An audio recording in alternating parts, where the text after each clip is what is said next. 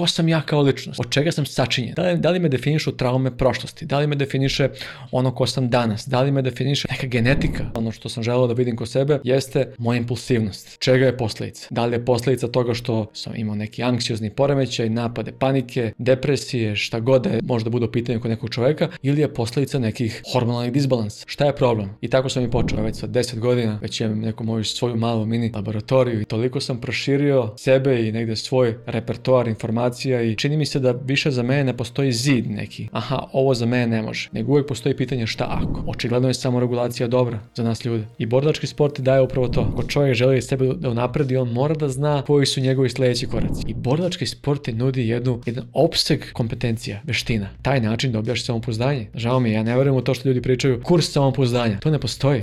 Napredi se čoveče, kreći se, idi napolje prirodu, šetaj, razgovaraj s ljudima, bavi se sobom i dan danas ovo radim.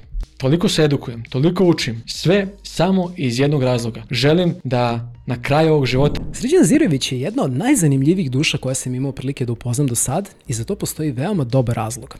On je neko ko maltene ništa iz poljašnjeg sveta, bilo da su u pitanju različita dokazana znanja, sistemi uverenja, tuđe iskustva, opšte prihvaćene norme i stavove ne uzima zdravo za gotovo. On je neko ko nastoji da naše ljudske kapacitete za saznavanje iskoristi do maksimuma i zaista i iskustveno postane neko ko zna ono o čemu govori. Način putem kog to postiže jeste njegov naučno-istraživački rad kom je posvetio većinu svog života. U današnjoj epizodi ćete imati priliku da se upoznate sa tom manje poznatom stranom srđanove ličnosti, odnosno sa onom koja pronalazi dublji smisla naše egzistencije u svom posvećenom naučno-istraživačkom radu. Ogroman deo tog rada sređen je posvetio istraživanju našeg dela mozga koji se zove prefrontalni korteks i kako taj deo mozga utiče na naš život i ponašanje. Srđan je u ovoj epizodi sa mnom podelio neke od njegovih sistema vrednosti i veština koje su mu doslovno spasle život i poboljšale ga u svakom smislu i kako naoko objašnjava zašto neki od tih sistema vrednosti i veština zaista i rade. Jedna od tih vrednosti jeste i samopouzdanje i oduševilo me kada me Srđan u ovoj epizodi uputio u nauku koja postoji iza samopouzdanja, kao i vrlo egzaktan način kako možemo samopouzdanje da kultivišemo u sobstvenim životima. A to je samo vrh ledenog brega ove neverovatne kosmičke razmene koju definitivno ne želite da propustite. Ukoliko vam se dopada sadržaj kosmičke turističkih putnika, definitivno najbolji, najjednostavniji način da nas podržite jeste da kliknete na ono malo subscribe, odnosno zaprati dugmence ispod ovog videa i da podelite ovu epizodu dalje. Takođe nas možete podržati jednokratnim donacijama putem PayPal-a i platforme koja se zove Patreon. Linkovi za sve ovo stoje u opisu ispod ovog videa.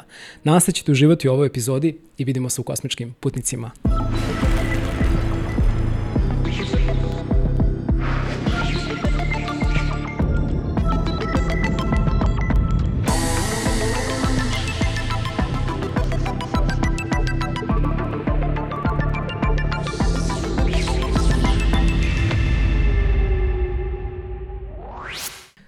Srđane, dobrodošao mi ponovo, brate, moj kosmički, u kosmičke putnike.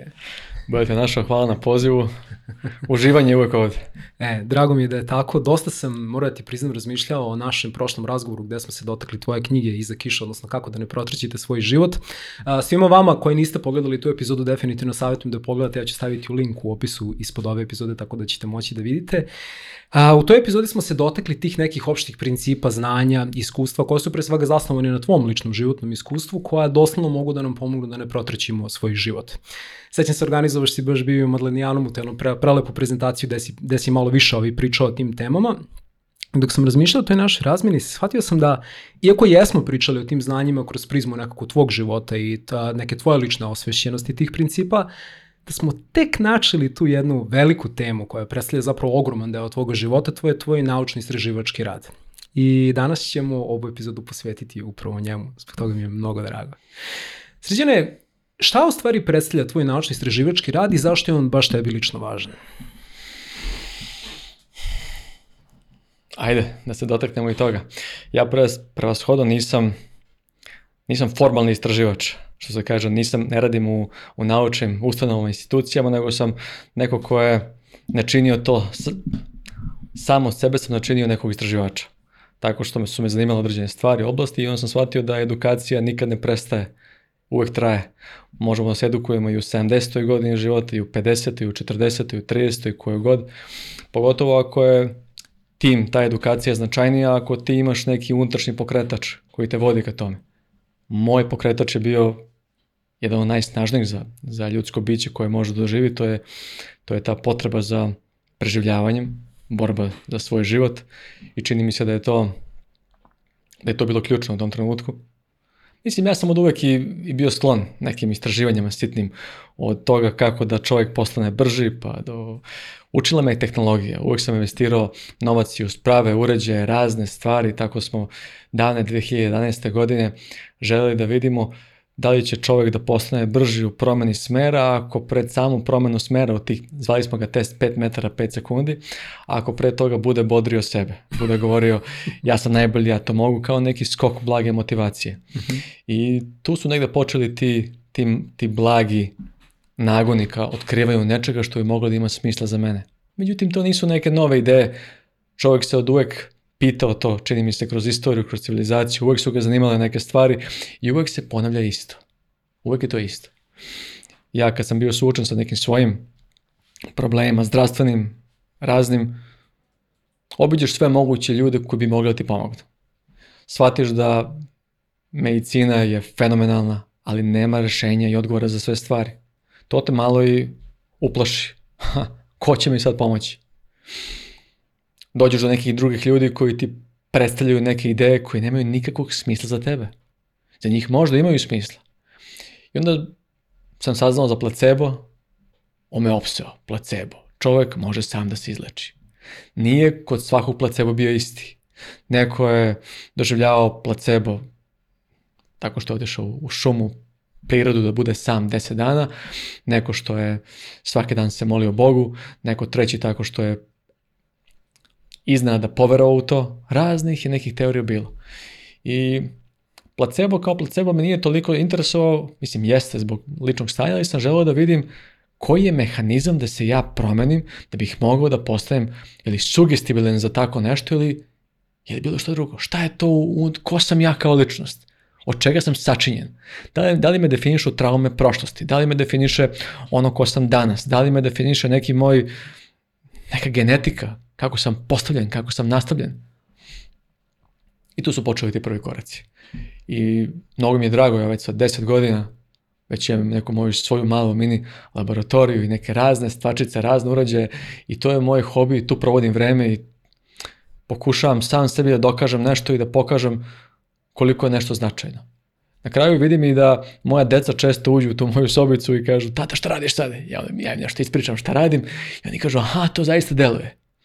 I tako da svakodnevno mi idemo nešto otkrivamo, pa zajedno se upuštamo u istraživanje svega toga, čini mi se da je to postao negde i porodičan stil života. Mm -hmm. U toj čitavoj potrazi ja sam kontaktirao mnoge istraživače, ljude, naučnike, sa mnogim ljudima sam pričao i toliko sam proširio sebe i negde svoj repertoar informacija i, i čini mi se da više za mene ne postoji zid neki. Aha, ovo za mene ne može nego uvek postoji pitanje šta ako. I to je zapravo moj istraživački rad. Dobio sam to bitno pitanje šta ako. Da budem otvoren za mnoge stvari, za mnoge opcije i da nikada ne, ne sudi o knjizi po koricama. Hmm. Da li je taj rad bio uslovljen na neki način tom zdravstvenom situacijom kroz koju si prolazi u smislu da li je to okinulo tvoje dublje interesovanje za naučni istraživački rad ili je bilo u pitanju nešto drugo? U smislu, zanima me taj sam početak toga, kak, ka, kako izgleda taj trenutak kad ti krećeš zapravo da se baviš nekim konkretnim radom? Možda bih volao da se dotaknemo od tog dela, kakav je recimo neki rad bio u pitanju samim početcima. Mm. Početak je bio vezan definitivno za, naravno bio je uslovljen, to je mm -hmm. sigurno, početak je bio vezan za performanse. Mhm. Kasnije sa mojim stanjem onda je počeo da bude više vezan za moje stanje kako doći do sebe, kako pronaći kositi, kako nešto raditi. Zaključio sam da je mozak jako bitan u toj čitoj priči i da bi možda neki deo mozga mogao da mi da odgovor na to ko sam ja uh mhm. -huh. ili šta radim, ako već nisam mogao da dobijem odgovor. Tačnije, čini mi se da sam, da sam bio previše racionalan da prihvatim razne ima je više razumevanja. Imao sam ga, nije se promenilo ništa. Ima je više zahvalnosti. Zahvalnost je sjajna ali se nije drastično promenilo ništa. Otpusti, otpuštao sam, nije se promenilo ništa. Sve sam probao metode i priče koje postoje iza tih nekih fraza i rečenica kojima ljudi govore i na kraju suština je da saznam kako je moj mozak umrežen. Prvo sam krenuo od toga da pokušam da mapiram svoj mozak Sam kako, merenjem, kako si to probao? postoje razni uređaji koji da? sad imaju mali gadgeti koji da. samo možeš da ih nakačiš i da meriš svoj prefrontalni korteks. Ja sam se za, za njega sam se najviše zainteresovao. To je deo mozga koji je fen, fenomenalan, fascinantan je. Toliko je fascinantan da se, zamisli, deo mozga koji sve tvoje odluke on, on ih oblikuje, on ih donese. Sve strategija, planiranje, kontrola emocija, kontrola impulsa, nagona. Kakav deo mozga? Memorija. Ti ako si pod emocijalnim nabojem, prefrontalni korteks ako je dovoljno aktivan, on inhibira amigdale ili taj limbički sistem, što je fenomenalno. Dakle, ti znači da samo ako si dovoljno snažan u prefrontalnom korteksu, ako je njegova dovoljna aktivnost, ti bi mogao da premostiš sva svoja ponašanja na neki način. To me zaista zainteresovalo. Ono što, bez veze reći da samo taj deo mozga zadužen je samo za te stvari. Mozak je kao onaj švajcarski sat. Otvoriš. Mnogo alata imaš koji služe za istu stvar. Tako se mozak aktivira, pali se, gasi se u nekim raznim sistemima, ali mi možemo da znamo kada je aktivniji u nekim, u nekim situacijama. Meni je bilo praktično od interesa, ono što sam želeo da vidim kod sebe, jeste moja impulsivnost, čega je posledica? Da li je posledica toga što, ne znam, sam imao neki anksiozni poremećaj, napade panike, depresije, šta god da, da, da možda bude u pitanju kod nekog čoveka, ili je posledica nekih hormonalnih disbalansa. Šta je problem?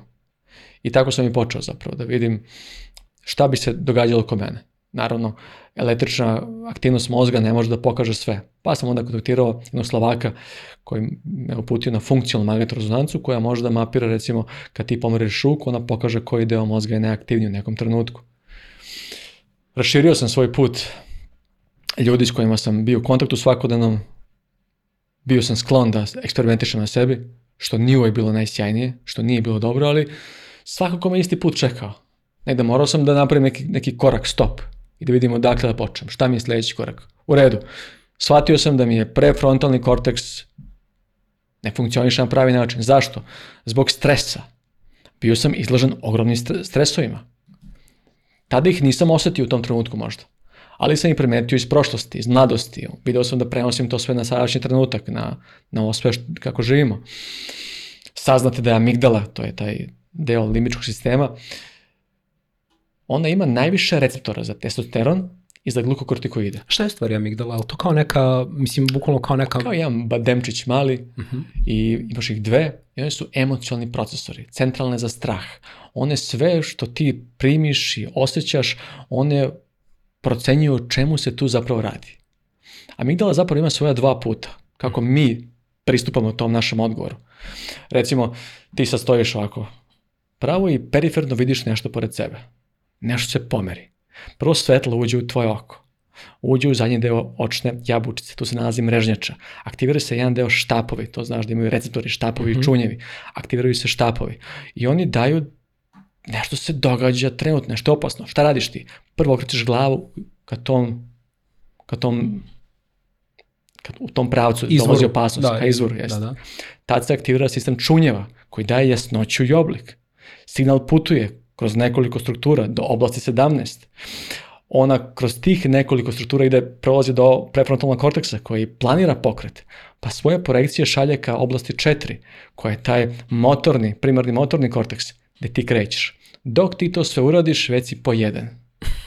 Ako je nešto opasno. Dakle, imaš i drugi sistem, drugi put a to je direktno vizualno ka amigdali ti reaguješ. To bi značilo da naš sistem limbički i autonomni, oni operišu u različitim brzinama. To je stojiš u mestu i neko te gurne s leđa, ti skočiš, besan stao, sad ćeš da mu se osvetiš, da mu pokažeš šta ti radiš, okreneš se, ona stara bakica koja je na štapu i saplila se. Prefrontalni korteks je video o čemu se radi rekao je sačekaj, stani, polako je. Dakle, dve drugačije brzine, hmm. kako funkcionišemo. I onda je očigledno bilo da moramo, pošto znao sam da je amigdala prepuna receptora za, za glukokortikoide, za stres, znači ona ga jako dobro osjeća. Moj zadatak je bio da vidim kada sam ja najviše po stresu. Mm -hmm. I onda postoje uređaj razni da mere srčanu variabilnost, neke razne parametre. Tokom sna možete meriti svoj san. Tad sam saznao da je prefrontalni korteks tokom noći isključen. Zato jesu sni, sno, zato jesu snovi kakvi jesu sadržajni, prepuni svega i svačega, jer prefrontalni korteks nije tu da kaže sačekaj, polako, radi teže stvari, nego su oni živopisni. Mhm. Prefrontalni korteks nema svoju aktivnost tokom noći. Nije toliko aktivan. I eto negde, da ne idem sad u neke detalje, ali čini mi se da je tu počela čitava priča i da je, da je to taj deo koji me najviše zainteresovao, da sam mhm. otkrio mnogo toga kako sam ja omržen, kako funkcionišem, kako se moji signali prenose i To bi morali svi da znaju. Nije ovo neka, ne znam, nije kakva nauka. Zašto to ne bi znao svako? Kako je umrežen? Na koji način? To će značiti njemu i njegovoj porodici sutra. Mm. Kroz život će ići sutra. Nije, ideš sam, boriš se, mora znaš ko si, od čega si sačinjen. I mi danas koristimo nauku za to sve. Ja sam pribegao prečici, zapravo znao sam da postoji sistem. Da li ću da idem kroz nauku, to zahtava od mene da potrošim neko vreme, da naučim sve o tome, To su godine i godine, godine učenja, edukacije, istraživanja, traženja. Ili drugo da tražim neke puteve kao što je nekada bilo, bio slučaj. Ljudi su tražili svoje vodiče, svoje učitelje, svoje mentora da im pomognu da se suoče. Naravno, problem je kada si previše racionalan. Mm -hmm. I kad si možda malo i skeptičan prema, prema nećeš da poveruješ sve što, što vidiš, nego želiš da da vidiš da je to zaista stvarno. Jer sam kao i, i svi ljudi na ovom svetu, kad nešto te boli, ideš, tražiš nešto, dobiješ rešenje, to nije rešenje bilo. Znači, onda pomislimo da nas je neko obmanuo. Mm -hmm. Ne volimo kada nas neko obmane. Zapravo ne volimo ni kada sami sebe obmanemo. Zato i želimo da, da budemo racionalni, realni. Šta se događa zapravo. I to je sistem u mozgu. A, jedna od tema, upravo sad kad si rekao, čovjek krene onda da traga, a, jedna od tema tog istraživačkog rada je definitivno, jesu na trenutku postale bile borilačke veštine, a one su na neki način vezani za to zdravstveno stanje koje si sad pomenuo. A, mislim da je za publiku koja gleda prvi put ovu epizodu bitno da bar opišemo kakvo je to stanje bilo i na koji način su borilačke veštine tebi pomogle da iziđeš na kraju s tim. I koja borilačka veština je bilo u pitanju i kako ti je u stvari ona pomogla, recimo konkretno da se pozabaviš, pošto si ti zbog svog zdravstvenog stana zapravo na neki način i proširio svoju naučno istraživačku praksu, a borilačke veštine su ti u tome pomogle. Šta se tu tačno dešavalo? Dakle, koji je bio taj zdravstveni izazov, koja borilačka veština je pomogla i na koji način? Dobro, jednom u jednom trenutku kada vi, kada vaše telo počne da gubi, da se urušava, sistemi samo padaju, jedan za drugim. I onda ste vi u nekom limbu, što se kaže, tražite, kao u crtavom filmu, što bi rekao moj bivši selektor Tomislav Ilić, Tomislav Sivić, e, kada stavite ruku na jednu rupu, druga se otvori. Vi zatvorite sledeću, otvori se treća. Ako jedan put bez povratka. Hmm. I Naravno, prvo kad se pojavi neki napad anksioznosti, pomislite da je to nešto nije u redu s vašom glavom, sa nekim kognitivnim procesima. Pa počnete da radite na tome. Onda zapravo vidite da postoje prioriteti. E to nije glava uvek, nego mogu biti hormoni. Aha, neko ima problem sa hormonima, sa štitnom žlezdom. Pa naravno da će mu biti poremećene i ostale funkcije u njegovom telu, njegovom mozgu. bilo mi je potrebno vreme zapravo da vidim koji su ti prioriteti. Da ne može da mi reši psihoterapeut sve probleme. Iako je nesumnjivo da psihoterapija, evo pričali smo o prefrontalnom korteksu, da kada je prefrontalni korteks preterano aktivan, da psihoterapija može da smanji njegovu aktivnost nakon nekog vremena. Dakle, razgovor pomaže. Mm -hmm. A psihoterapeut je profesionalni prijatelj, stručni prijatelj koji neće ti daje savete tek tako, nego će te navede da ti dođeš sam do nekog zaključka. On će te usmerava na jedan put, kako je edukovan, kako je obučen, da ne oštetiš ti ni sebi, ni, ni da on utiče na, na tebe, da te on ošteti. To ima smisla. Ali ipak postoje prioriteti. Hormoni. Šta je van hormona? Neke emocije iz prošlosti, verovatno. Šta je van toga? Neka genetika Dakle, jedan čitav put koji može da se složi da se namesti da naš život kraje nekom strampoticom. Nezadovoljstvo trenutno. Uglavnom kažemo kada imamo jedan izuzetno težak period u životu koji je pun stresa i prepun svega i svačega, mi kažemo samo da ovo prođe živeću. Međutim, kada to prođe, mi se uglavnom razbolimo. Hm. Kad se život namesti, ti se razboliš. To je danas i jasno zbog čega. Hormoni stresa, adrenalin su, su borci protiv virusa i bakterija. To znači da kad si ti u akutnoj fazi nekog stresa, on te očuvao, ti si u sistemu borbe. Međutim, ono što ne vidiš u tom trenutku da, se, da, da propadaju tvoje najfinije gradine materije. Tvoje telo ne proizvodi te najbolje proteine. Jer si ti pod stresom, ti se boriš za nešto. Hmm. Kakav paradoks. on te čuva od nečega, a drugo se urušava. I nakon dugo vremena kad ti rešiš sve svoje životne okolnosti, stanja, situacije, eh, sad ću ja da počnem živim, gotovo. Kakva ironija. Da. Mm. I borilački sport, ja sam trenirao karate kad sam bio mali, došao sam do brown pojasa i karate negdje, ajde, Jean-Claude Van Damme, Bruce Lee. Sad se onog visa, izlazite sva trojica. Tako je. Krvi, sport, talanski boks, razni su tu bili filmovi koji te kao dečaka i devojčicu nagone da ti daju ti neku inspiraciju. Uf, imali su tako, tako jednu sočnu vrednost. Sad sam se sjetio svih tih Van Damovih filmova, kako sam to volao da gledam, ono Pink, Nova godina. da, tako je to. Pa o, ti si mlađe mene, ja sam gledao tada bio i Jackie Chan, da njegove kasete su bile, video. Da, da, da, ima, ne, Doština zmije, e, ždrala i ja, tako ja sam, dalje. Ja sam iz epohe kad je VHS i dalje bio upotrebi. Jel znači tako, ubacio, da, da, bravo, apsolutno, bravo, da, da. bravo, da, da. Bravo. da, da, da. Nažalost, život, život me odveo malo dalje od boračkih sportova, to tako ide, mm -hmm. nemaš vremena za nešto, ali onda oni su mi zaista dali neku lepu lepe životne trenutke. Mm. I onda sam 2013. godine u Mađarskoj, 2013. godine u Mađarskoj otišao na trening boksa iz karata, misleći sad ću ja njih tamo da sve da sredim, oni samo rukama, ja mogu i ruke i noge i tako dalje. Međutim, kad se, kad se noge eliminišu iz slode, ostaju samo ruke. Tu sam imao jedan trening od sat vremena koji me bukvalno... To je bila životna lekcija za mene. Momak mi je rekao, udari me gdje god hoćeš ja nisam mogao da ga udarim. Blokirao je svaki deo tela, nije bilo moguće. A on je meni pronalazi rupe gde god da se ja nalazim. Pa sam počeo treniram malo boks. Onda vidite da džaba i boks i, i, i noge, ako neko vam priđe blizu, baci vas u zemlju, to je gotovo. Judo, rvanje. Pa onda, kad si na zemlji, šta onda? Jiu-jitsu. Dakle, variacija tema uvek postoje. Znači, ako čovjek želi sebe da unapredi, on mora da zna koji su njegovi sljedeći koraci. I borilački sport te nudi jednu, jedan opseg kompetencija, veština. Da ti kažeš ja sam u ovome dobar. Na taj način dobijaš samopouzdanje. Žao mi je, ja ne vjerujem u to što ljudi pričaju na kurs samopoznanja. To ne postoji. Da, Kako da, da, da, može da, neko da. ti napravi kurs online ili uživo četiri nedelje, dve nedelje da ti dobiješ samopoznanje? To se zove lažno samopouzdanje. Ti nemaš kompetencije, mm. nemaš veštine. Sa sticajem veština, sa njihovim razvojem, ti dobijaš veće samopouzdanje. I ne sumnjivo da to borilački sport radi čoveku. Mm. Ja sam imao problem sa, što je pitao, sa podregivanjem konstantnim, koje izbacivalo kiseline iz želuca i to se dešava na 5 sekundi. I tvoj jednjak, hteo ne hteo, on, on je stalno pod uticajem tih kiselina i na njemu se prave neke erozije takozvani baretovi jenjak se na kraju stvori koji vodiju ka stanjima koji su kanceri i određene stvari. I ti tu ne možeš da uradiš ništa. Hmm. Piješ blokator, razne neke stvari i tako dalje, to ne pomaže ništa. Nevjerojatno. I tad sam radio sa Markom Leichnerom. Mark Leichner je jedan od pionira MMA sporta u Srbiji i počeli smo da se udaramo u stomak.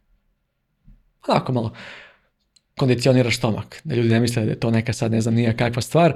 Ti staneš i neko te udara malo u stomak nekoliko puta, koliko možeš da izdržiš, sledeći put više, pa više, pa više, pa više i sve više i više. Dok ti na kraju ne budeš mogao da ojačaš, da primiš 20-30 jakih udaraca bez problema. Dakle, kondicioniraš svoje, svoje mišiće i svoj sistem, svoj skelet. Nakon prvog treninga došao sam kući i video sam da posle poda nisam podrignuo nijednom. Šta se dešava? Kako je ovo moguće? O čemu se radi ovdje? Dva dana su prošla, vratilo se. Idem ponovo, opet. I svaki put kada sam bio sve duže i duže mi je trajalo to, to post stanje. Da sam bio sve duže vremena nakon bez podrgivanja. Zvuči absurdno. I onda sam prestao da idem 10 dana, vratilo se. Pa sam pojačao. I to sam radio 3 mjeseca Više nikada mi se podrgivanje nije vratilo u životu. Moj želudac je bio kila na želucu, raznih nekih stvari, tu su bile na njemu, sada ne idemo u neke te krajnosti, na kraju nije bitno, to je moje subjektivno stanje, svako ima neko svoje telo, to se dogodilo kod mene i to je, to nije za, nije za ponavljanje, ovo nije terapija, to su dobro reći ljudima, to je kod mene delovalo. Dakle, telo ulazi u stres, kod nekog udarca, sistem mora da se adaptira. Kako? Stegne se. Očigledno sam bio previše slab u tom trenutku. Jer sam godine proveo na nekim raznim iskranama, biljnim, ovim, onim raznim stvarima koje sam radio i to me oslabilo. Hm. Običan udarac je moje telo nagnao da ojača u trenutku. Nije pomagala ni teretana, ni tegovi, ništa. Stres. Jak stres koji je neprevidiv. Totalno neprevidiv taj stres bio. Pesnica ka glavi. Mozak ima 100 milijardi nervnih ćelija. Neverovatno. I krenete u udarac ka glavi. Nije prirodno. Tvoje oko vidi to, već smo rekli. Mrežnjača, zadnji deo očne jabučice, čunjevi, štapovi, um, reaguju u istom trenutku. Pre, prebacuju te signale u električnu informaciju koju mozak može da interpretira. I mozak dalje šalje rasporede i projekcije svoje ka drugim delovima tela. Šta da radim? Ide ka meni pesnica. To je najbolji trening za nervni sistem koji postoji. Ide ka tebi pesnica i ti nešto moraš da uradiš. Šta? Da zatvorim oči. To rade svi prvo. Slonaj glavu i zatvore oči. To ti neće pomoći. Nema šanse. Nisi na to adaptiran. I Mark je bio u tome sjajan, fenomenalan, moram da kažem, jer je posvetio dugo vremena meni da radim na tome da se ne bojim tih udaraca. Bili su polako udarci ka glavi. Bili su, bio sam ljut na sebe. Zašto ja trepćem čoveče? O čemu se radi ovde? Da je moguće. I, idem, stojim u mestu, kažem, e sad ćeš da primiš udarac, nećeš trepnuti. I opet trepnem. To je bila borba mene i mene, to je, to je najbolje vreme mog života. Ja sam se toliko bavio sobom kroz, kroz tu mm -hmm. i jednostavnu veštinu nekog udarca koji dolazi kod te, ka tebi i ti sad moraš nešto da uradiš. Međutim, kao što to telo radi, ono se adaptira. Trening. Trening je trening. Na treningu stičeš neke veštine, razvijaš svoj nervni sistem, dolazi sparing. Sve je drugačije. Opet je bio udarac, opet sam trepnuo. Zašto trepćem čoveč? Pa na treningu sam to usavršio. I onda moraš shvatiš da postoje opet nivoji na kojima funkcionišemo. Nešto gde znaš da nećeš biti povređen, to je stres, kada znamo njegov intenzitet, dužinu i trajanje, mi nismo po stresu. Kada ne znaš koliko će da traje, ti ćete kako po stresu kad ne znaš koliko će jako biti i te kako si po stresu. Ako ti, kažem, ako ti ja sada kažem Damjene, sad ću te uštinam i to će trajati dve sekunde i neću jako. To u redu. A ako te uhvati neko, pa te stisne, pa te drži, pa prolaze sekundi, pa sve jače, jače, jače, jače, jače, sve te boli, to je stres. Moraš se odbraniš od toga nekako, na neki način. Tako da su borilački sportovi uticali na moj život nevjerojatno. Mm -hmm. I svaka vrsta promene polazi od tako što dajemo snagu pojedincu. Danas se mnogi ljudi zalažu za promene. Nažalost, promena ne dolazi iz promene sistema. Promena dolazi iz promene pojedinca. Promeni pojedinca, mnogo promeni pojedinaca, e onda te ljude ubaciš, ako ubaciš u taj sistem, ako te ljude onda ubaciš u sistem, oni mogu da promene društvo. Zato imamo konstantno neka previranja u raznim sferama, što kaže ovi dođe jedan, ode drugi i tako dalje, ojačaj pojedinca. I Verujem da je borilački sport jedan put ka tome, da ne kažem kako utiče na nasilje. Francuzi su uvrstili judo u osnovne škole i stopa se nasilja smanjila za 50%. Nemoj da pričaš, kad se to desilo? Ne znam koja je to godina, bilo sad da ne kažem podatak, ali Hrvatska je također to ubacila kao aha. fakultativno. Mislim kao neka novina u pitanju? Ne, ima, ima to sigurno 20-30 godina, aha, sigurno, da, da. da. Francuzi imaju najviše šampiona, koliko Jeste, jeste, jaki su vrlo, da, da, da tako da. Je, tako, na toj oni su baš da, tu, da, da, da, da. baš su odlični tu. Da. Tako da vidimo da deca dobiju veštine. Mhm. Imaju više samopouzdanja ni nasilnik ne može sad tek tako lako da napadne onog slabijeg. Da, bukvalno nova vrednost koja je uvedena u društvo i društvo kreće da se menja. Tako je. Ljudi su o, upravo to osnaženi na jedan, Osnažen. na jedan novi način. Jeste. Kako je to važno čoveče. Kako ne? Da, da. I to što si rekao bio za, uh, uf, to, to baš mi je onako zazvonilo kada si rekao u nekom trenutku da kada si krenuo da tražiš rešenja za svoje zdravstveno stanje, jako lako odemo u te um, tehnike primjene, ok, ishrana, korigu ishranu, malo bilje, malo čajići, malo ovo, malo ono, kao čoveče, ti si, znaš, ono, muško telo, mora da bude, ja, mislim, ne mora, ali treba da bude jako. Tako Možeš da budeš, Tako jer upravo tam, um, jer kao da se nekada zanemaruje taj deo, mm, mm. ta prosto fizička snaga i sposobnost, što je deo muške prirode, muškog tela. Sad kad si to spomenuo, ja sam čitao 2000, da? devete godine sam čitao knjigu o Spartancima. Da? Mislim da je tu zapravo i počela čitava moja priča. Likargus, čuveni spartanski, on je zapravo promenio, promenio zakon u tom trenutku. I dono je zakon o kako je potrebno da se razvija društvo. Nazvao ga je agoge. Sistem treninga kroz koji su prolazili i dečaci i devojčice. Nisu devojke bile toliko slojene od agogija, sve isto bilo, samo je u nekim različitim nivoima, na različit način. Taj sistem je bio nevjerovatan. Dečaci su oduzimani od, od roditelja sa 7 godina i išli su u kampove. Likargus je taj sistem primenio na tri nivoa deca, to je kao naša škola, preškolsko, tako tinejdžeri i mladi. I svaki je imao neke svoje zakonitosti. Dakle, zamisli, tebe uzmu od oca i majke i ti ih ne vidiš do 30. godine. 30. Tako je. 30. godine 23 godine, znači. Tako je. I ti si u tom sistemu. Tu radiš, tu živiš i prvo te uče disciplini. Nemaš porcije hrane. On je zapravo video da, da su tinejdžeri najskloniji konfliktima, impulsivnim ponašanjima. To danas znamo i kako je prefrontalni korteks aktivan. Dakle, nemamo tu zadršku, on se razvija tek kasnije. Nemamo tu zadršku da kažemo stani, to nije pametno, zažalit ćeš, nego radi po impulsima. Tinejdžersko doba, to je tako. On je video da su tada naj, najzahtevniji, najviše prave problema i tada je obuka postala još rigoroznija jača. I tu im je govorio da morali su dobili samo jedan ogrtač bi dobili, u njemu bi bili konstantno. Imali, bili bi bosi, nema sandala. Verao je da postaješ brži kad si bos. Ideš bos, bolje se tvoja stopala razvijaju. Mi danas znamo, nauka to potvrđuje, bio je pravo. Takođe, bilo je zabrano da se kupaju toplom vodom, samo hladnom. Verao je da topla voda postiče kukavičlog. Mi danas znamo šta hladna voda radi. Tako, kontrolisan hladni tuš, šta radi imun sistemu, to danas znamo. Naravno, taj sistem ima, ima mnogo mana u nekim raznim stvarima, ali on je učio jednu naciju, jednu državu malu, grad država, to je tako bilo u to vreme, da su bili neporaženi 150 godina. Kad bi ušao u neko mlado doba, tada mi se najviše njima bavio. To je bilo vreme kada su oni bili, tada im je sistem najviše posvećivao pažnje toj deci, i toj, tim mladićima. Tada su učili da da marširaju tihe maršave. Kilometri, kilometri, milje sa ratnom opravom da se uče disciplini. Tada su učili više veštini. Taj agoge nije bio samo sistem maltretiranja, već učio se pesma, da pišeš, da plešeš, da igraš. Sistem čitavog obrazovanja si imao to.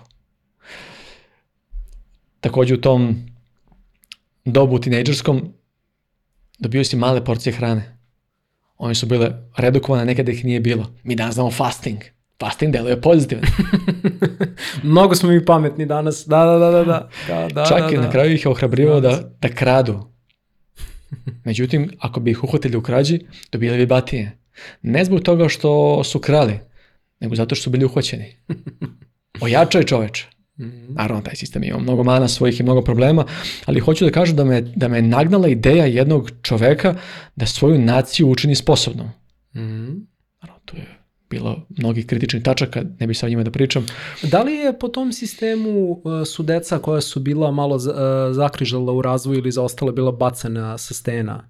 To je, bio, to je bio deo tog sistema ili nekog drugog u okviru iste države? Mi imamo Ja volim istoriju, zaista nisam istoričar ništa, ali volim da čitam istoriju, volim da se edukujem oko svega, oko raznih tema, tako da sam video zapravo da u Sparti u Sparti imao bi savet kad se rodiš koji bi procenili da li imaš neke anomalije, ako imaš anomalije oni te bace. Mm. Ako im se dopadneš, ako si zdrav, prav, ideš dalje. U Grčkoj to radi otac. U Atini, otac je radio to. Neko se rodi, on, to jest rodi mu se čerke ili sin i on vidi o čemu se radi ili ostaje ili ide. Kako je bilo vreme? Biti roba, tada je, tada je skoro svako imao roba. Mm. Zatinjenja nije bilo logično da on, da on radi, nego je to za njega radio njegov rob. I sad tu je ta moralna, moralno pitanje.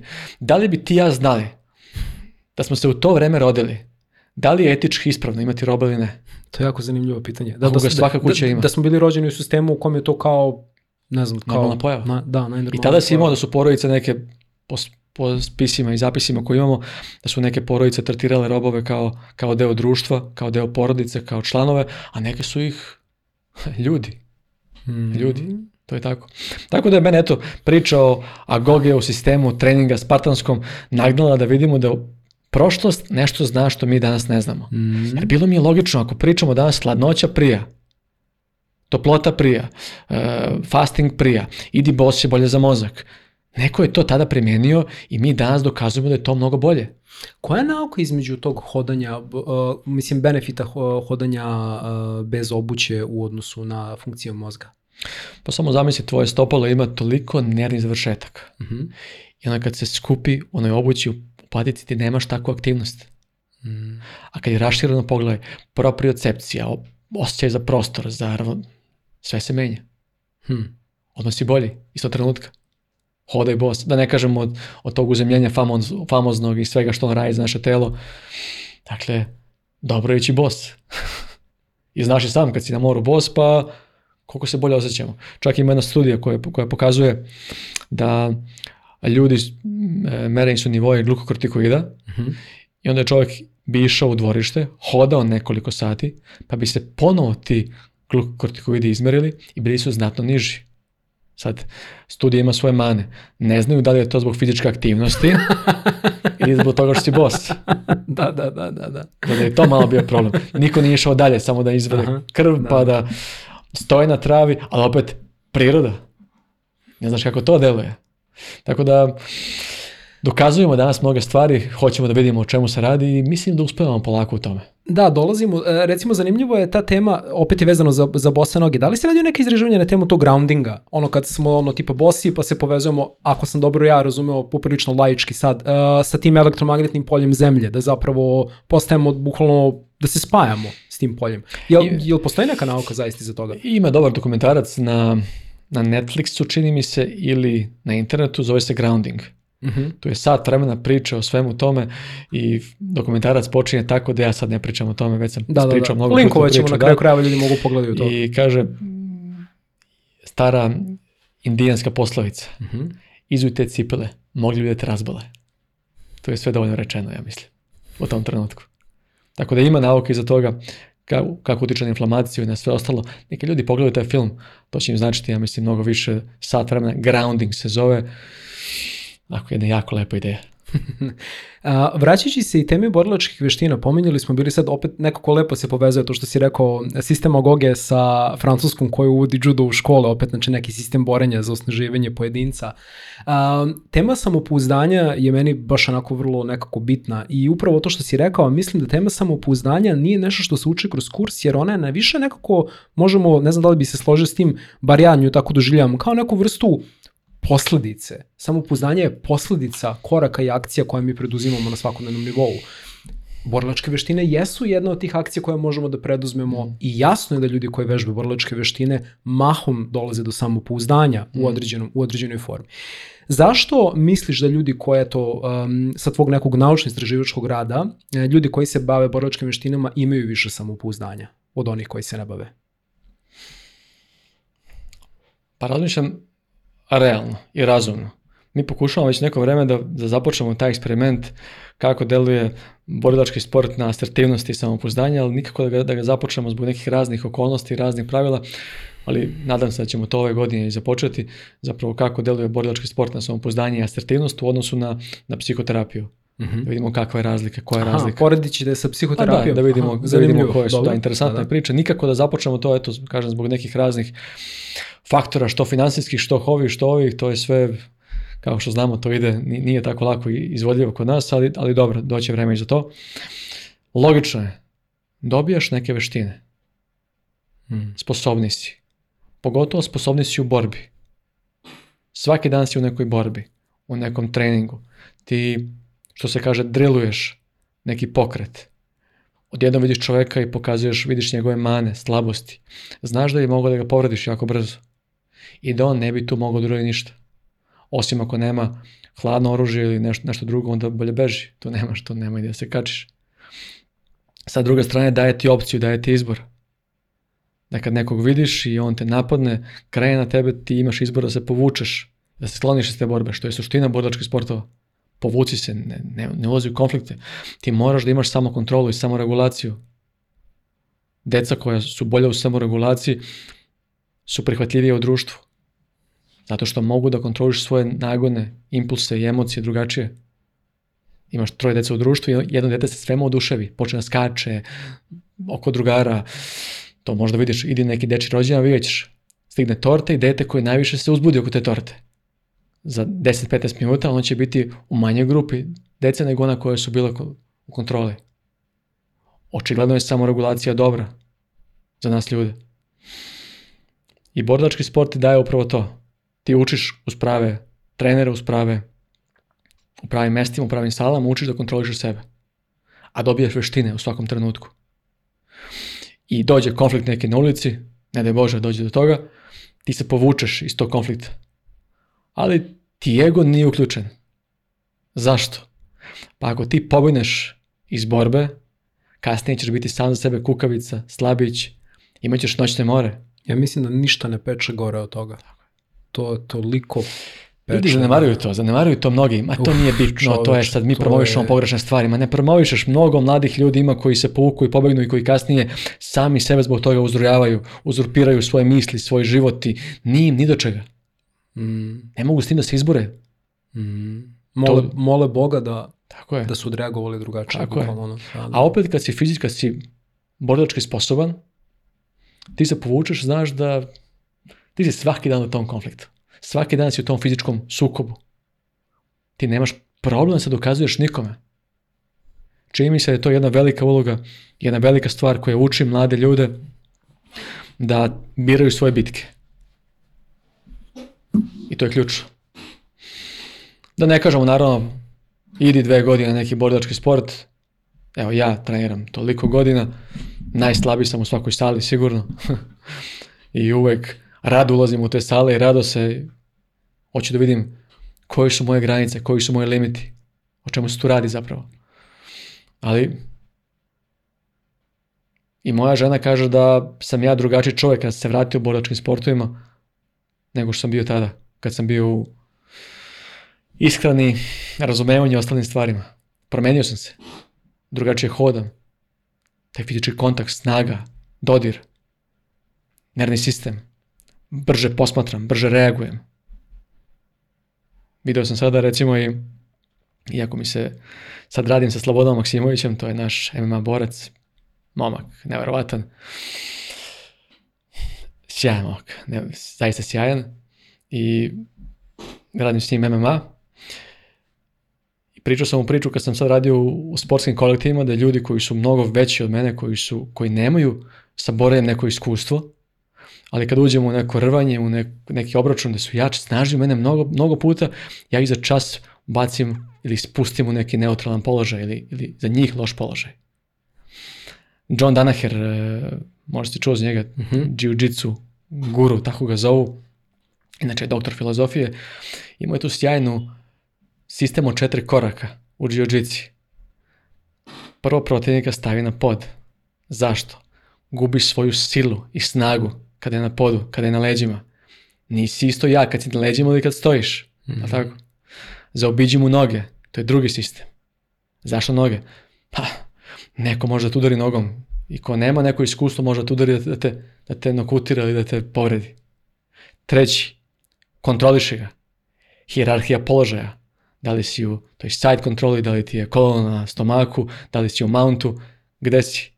Zato i u, u takmičenjima jiu imaš bodovanja. Kad si u sajdu, kad si, kad si kolona na stomak ili kad si u mountu, dobijaš, dobijaš drugačije bodove.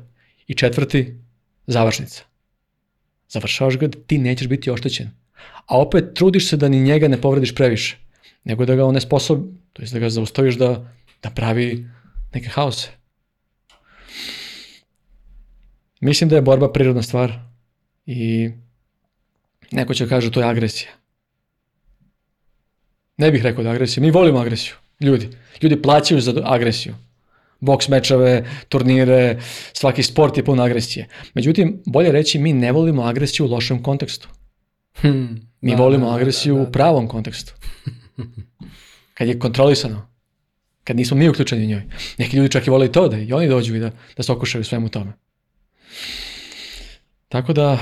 Hvala ti što si pokrenuo tu temu agresije. Bukvalno sam sad razmišljao bio o tome koliko ljudi koji se ne bave borilačkim veštinama, kada krene da se priča o borilačkim veštinama, uf, kao ne znam baš, to ljudi čini agresivnim i tako dalje. Ja sam imao priliku u životu da vežbam aikido, judo, karate, krav, magu. Uh, uh, probao sam bio uh, kickboks i bukvalno sam, ako sam nešto, neki utisak stekao do tad, ne da borilačke veštine ne amplifikuju agresiju, nego zapravo pomažu ljudima da je nivelišu. Mm -hmm. Um, I sad upravo to što si ti rekao nama prije agresije u kontekstu koji nam odgovara. Kako gledaš uh, na, na tu temu agresije kroz borilačke veštine? Da li zapravo borilačke veštine kao takve mogu da amplifikuju agresiju ili zapravo rade nešto s njom što je mnogo plemenitije? Hm. Šta je zapravo agresija? Hm. I to je da, mogli bismo i da definišemo. Početi od da. toga. Mm. Postoje razna vrsta agresija. Da li je defanzivna, da li je ofanzivna, da li je u kom kontekstu je agresija. I šta se dešava neurologski? Agresija ima svoje nervne puteve. To je, mm. to je sigurno. I interesantno je takođe, eto ajde, ovo je dobra priča, kad se poredi ljubav i mržnja, oni imaju iste nervne, to je sličan nervni put imaju. Suprotno ljubavi nije mržnja, nego je ravnodušnost. To je rekao Eli Wiesel, e, preživjeli koncentracionog logora. Tako da, mi možemo da vidimo kako mi reagujemo kada je agresija u pitanju. Koji procesi to kod nas rade. Da li svesni ili nesvesni. Zbog čega smo agresivni. Već smo rekli da je amigdala ima mnogo receptora za glukokortikoide, hormone stresa. To znači da si ti izuzetno ti impulsivan si radiš po svojim nagonima. Amigdala imaju mnogo receptora za testosteron.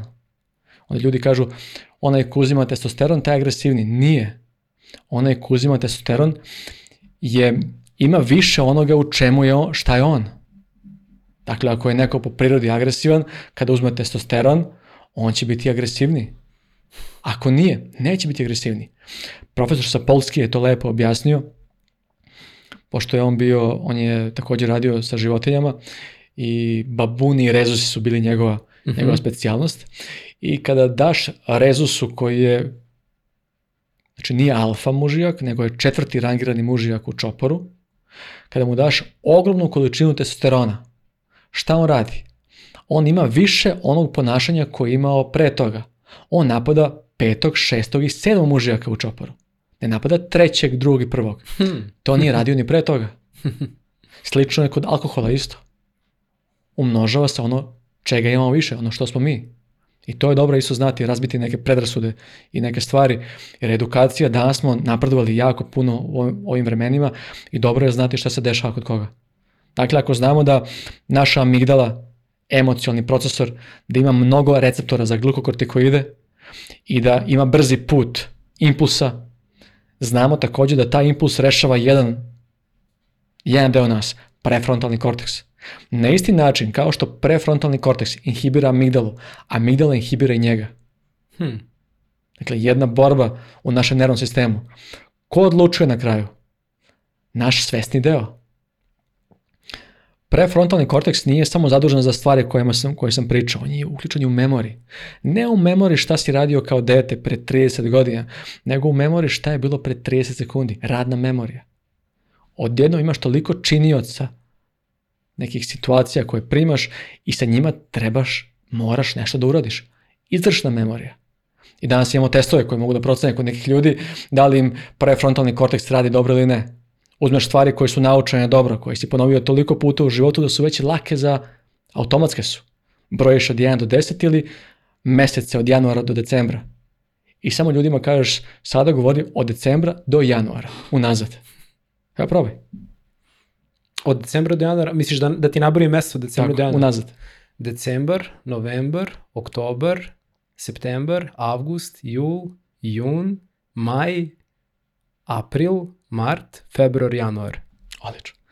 Možemo da zaključimo iz ovog nekog malo, mnogo i testića. Nije, koji nije bilo lako. ne, nije. Ljudi koji imaju problem, recimo kod Alzheimera ti ćeš vidjeti, da, da. kod Alzheimera ćeš vidjeti, da, da. ljudi će početi da, da govore decembar, novembar, oktobar, septembar, novembar, decembar. Dakle, 30 da. sekundi. Ili ćeš vidjeti možda ako... Im, mm. ovo je samo mali test, postoji od 10 do 1, od decembra do januara, uh mhm. -huh. pa će neko da krene da, da govori 10, 9, 8, septembar, oktobar, i to se događa isto. Hmm. Dakle, možemo da ga testiramo na, na neke razne načine, u nekim raznim malim testićima. I, i to su, ha, taj deo mozga mora da bude, mora da bude aktivan. Moraš da ga, da ga neguješ stalno sad bilo bi glupo i reći ko je, znaš da je bila pre priča, da. E, one igrice sudoku, da, da, da. unapređuje mozak. To nije tako. Recimo, to je jedno vreme bilo je e, određena igra, jača mozak, sad je zaključeno mhm. pre 5-6 godina da to uopšte nije istina. Najbolje ono što aktivira mozak i razvija je fizička aktivnost. Sticaj novih veština. Unapredi se čoveče, kreći se, idi napolje u prirodu, šetaj, razgovaraj s ljudima, bavi se sobom, nemoj se baviš nekim temama, bavi se sobom, prvo sredi sebe i ti ćeš tvojim onda tim uticajem, tvojim prikazom da utičeš na onoga pored tebe. Na nekoga nećeš, neko će kaže ovo je totalno bez veze, a baš te briga šta on kaže. A ti znaš da je on tu, gdje da si ti bio nekada, a tebi se to više ne dopada. Unapredi sebe, to je sistem čoveka koji je najbitniji na ovom svetu. I tu dobijaš neke male primere kako je potrebno nastaviti dalje. Čini mi se da, smo, da živimo u nekim vremenima gde radimo sve zarad drugih. Mm. Kako će neko da reaguje, kako će, šta će neko da kaže, šta će neko da uradi, da li ćemo naići na odobravanje, da li ćemo naići na nešto što je za nas pozitivno. Teško je to. Da, opet nekako uh, bavljenje sobom je toliko sad usko vezano za neku formu egoizma, pa nema ništa bolje nego da se baviš sobom, ako nisi samom sebi najbitniji. Mm. Kakav ćeš zaista onda biti za ostale?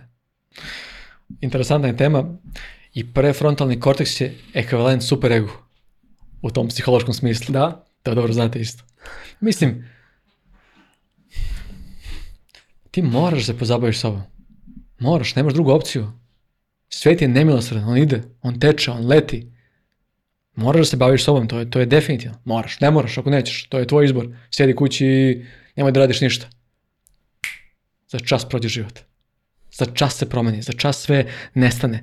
Jednostavno, toliko je toga u nama samima, da se nama pozabavimo, nego svi se uglavnom petlje u tuđe živote. Mm Vidi šta on radi, vidi šta on priča, vidi kako on, vidi kako...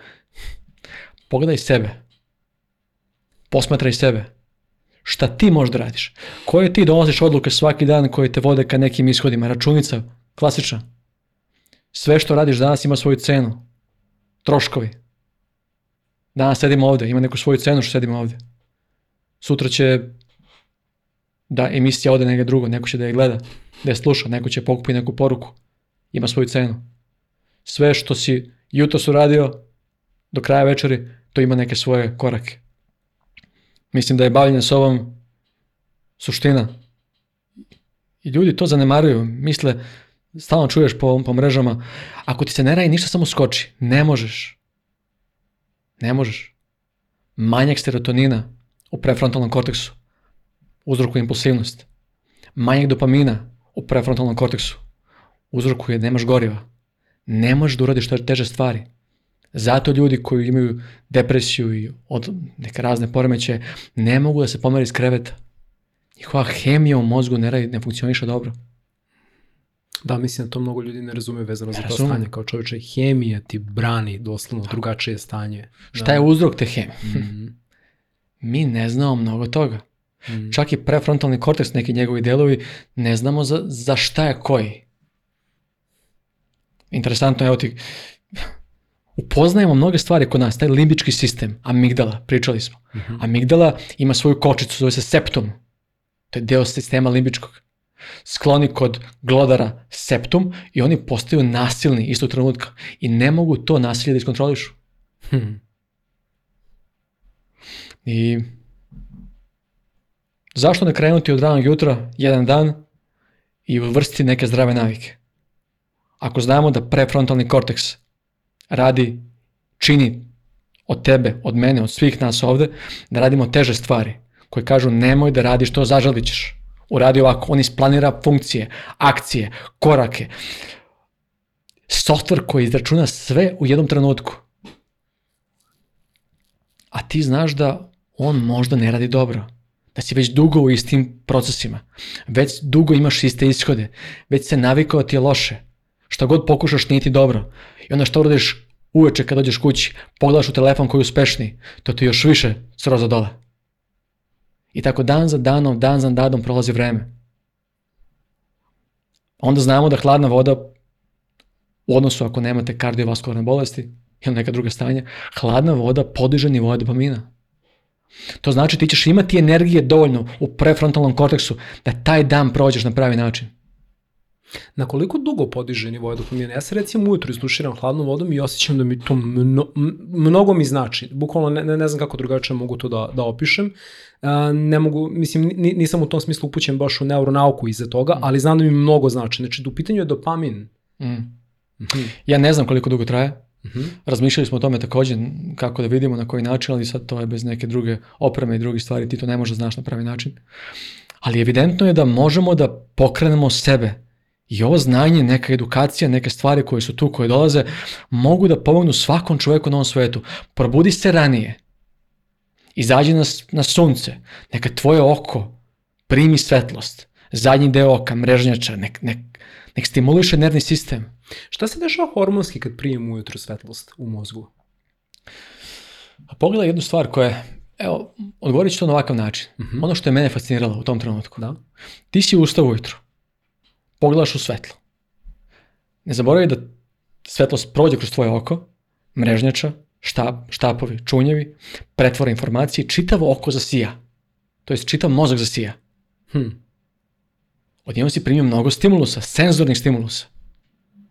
Svaki deo mozga komunicira jedan sa drugim. I neke akcije počneš da praviš. Neke događaje. Kakav fenomenalan podatak jutarnje sunce i večernje sunce. Mislim da je u pitanju 640 nanometara. Da je u pitanju, da je u pitanju toliko koliko mogu, zaboravio sam tačno koliko je, i to je jako dobro za, za naše oči, za štere sistem. Samo što si ustao ujutru, pogledao u, taj, u to sunce, u tu svetlost, otišao svoj tuš, istuširao se hladnom vodom, podigao nivoje dopamina, tvoj prefrontalni korteks sad ima energije. Dobro je nešto drugo što je do malo pre bilo teško. Niti se ustalo iz kreveta, nisi mogao da ustaneš iz kreveta. Možda da radiš male korake, malo pomalo. Kako uopšte otići u kupatilo i staviti tuš po sebi bez, bez energije? Kad je sve što ti se radi da ležiš u krevetu ceo dan. Jer drugo nema ništa smisla. Čak i ako ti neko kaže ustani uradi to, ti ne možeš. To ti iritira još više. I onda se pali taj drugi tvoj deo, onaj koji je naučen, onaj inat što se kaže, stvori se, otpor.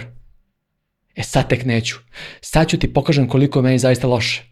I onda još više uđemo u tu destrukciju. I još nam bude gore nego što je bilo.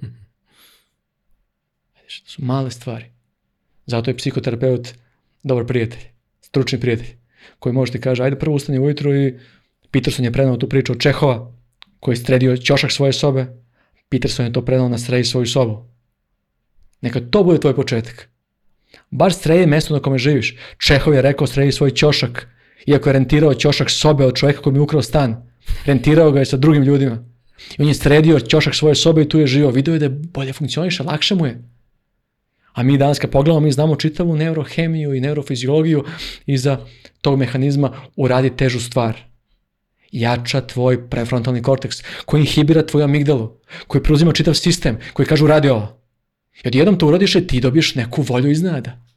Nešto se dogodi kod tebe i ti kažeš, wow, kako sad, odjednom vidim jasne puteve, vidim ciljeve, vidim tamo da je pre nije bio, da pre nije bilo rešenje, sada ga vidim. Kako je to moguće? Šta se dogodilo? Sredio sam sobu. Aha. Ne mora da bude soba. Uradi drugo nešto. Izađi na tu terasu. Uradi nešto, nešto treće.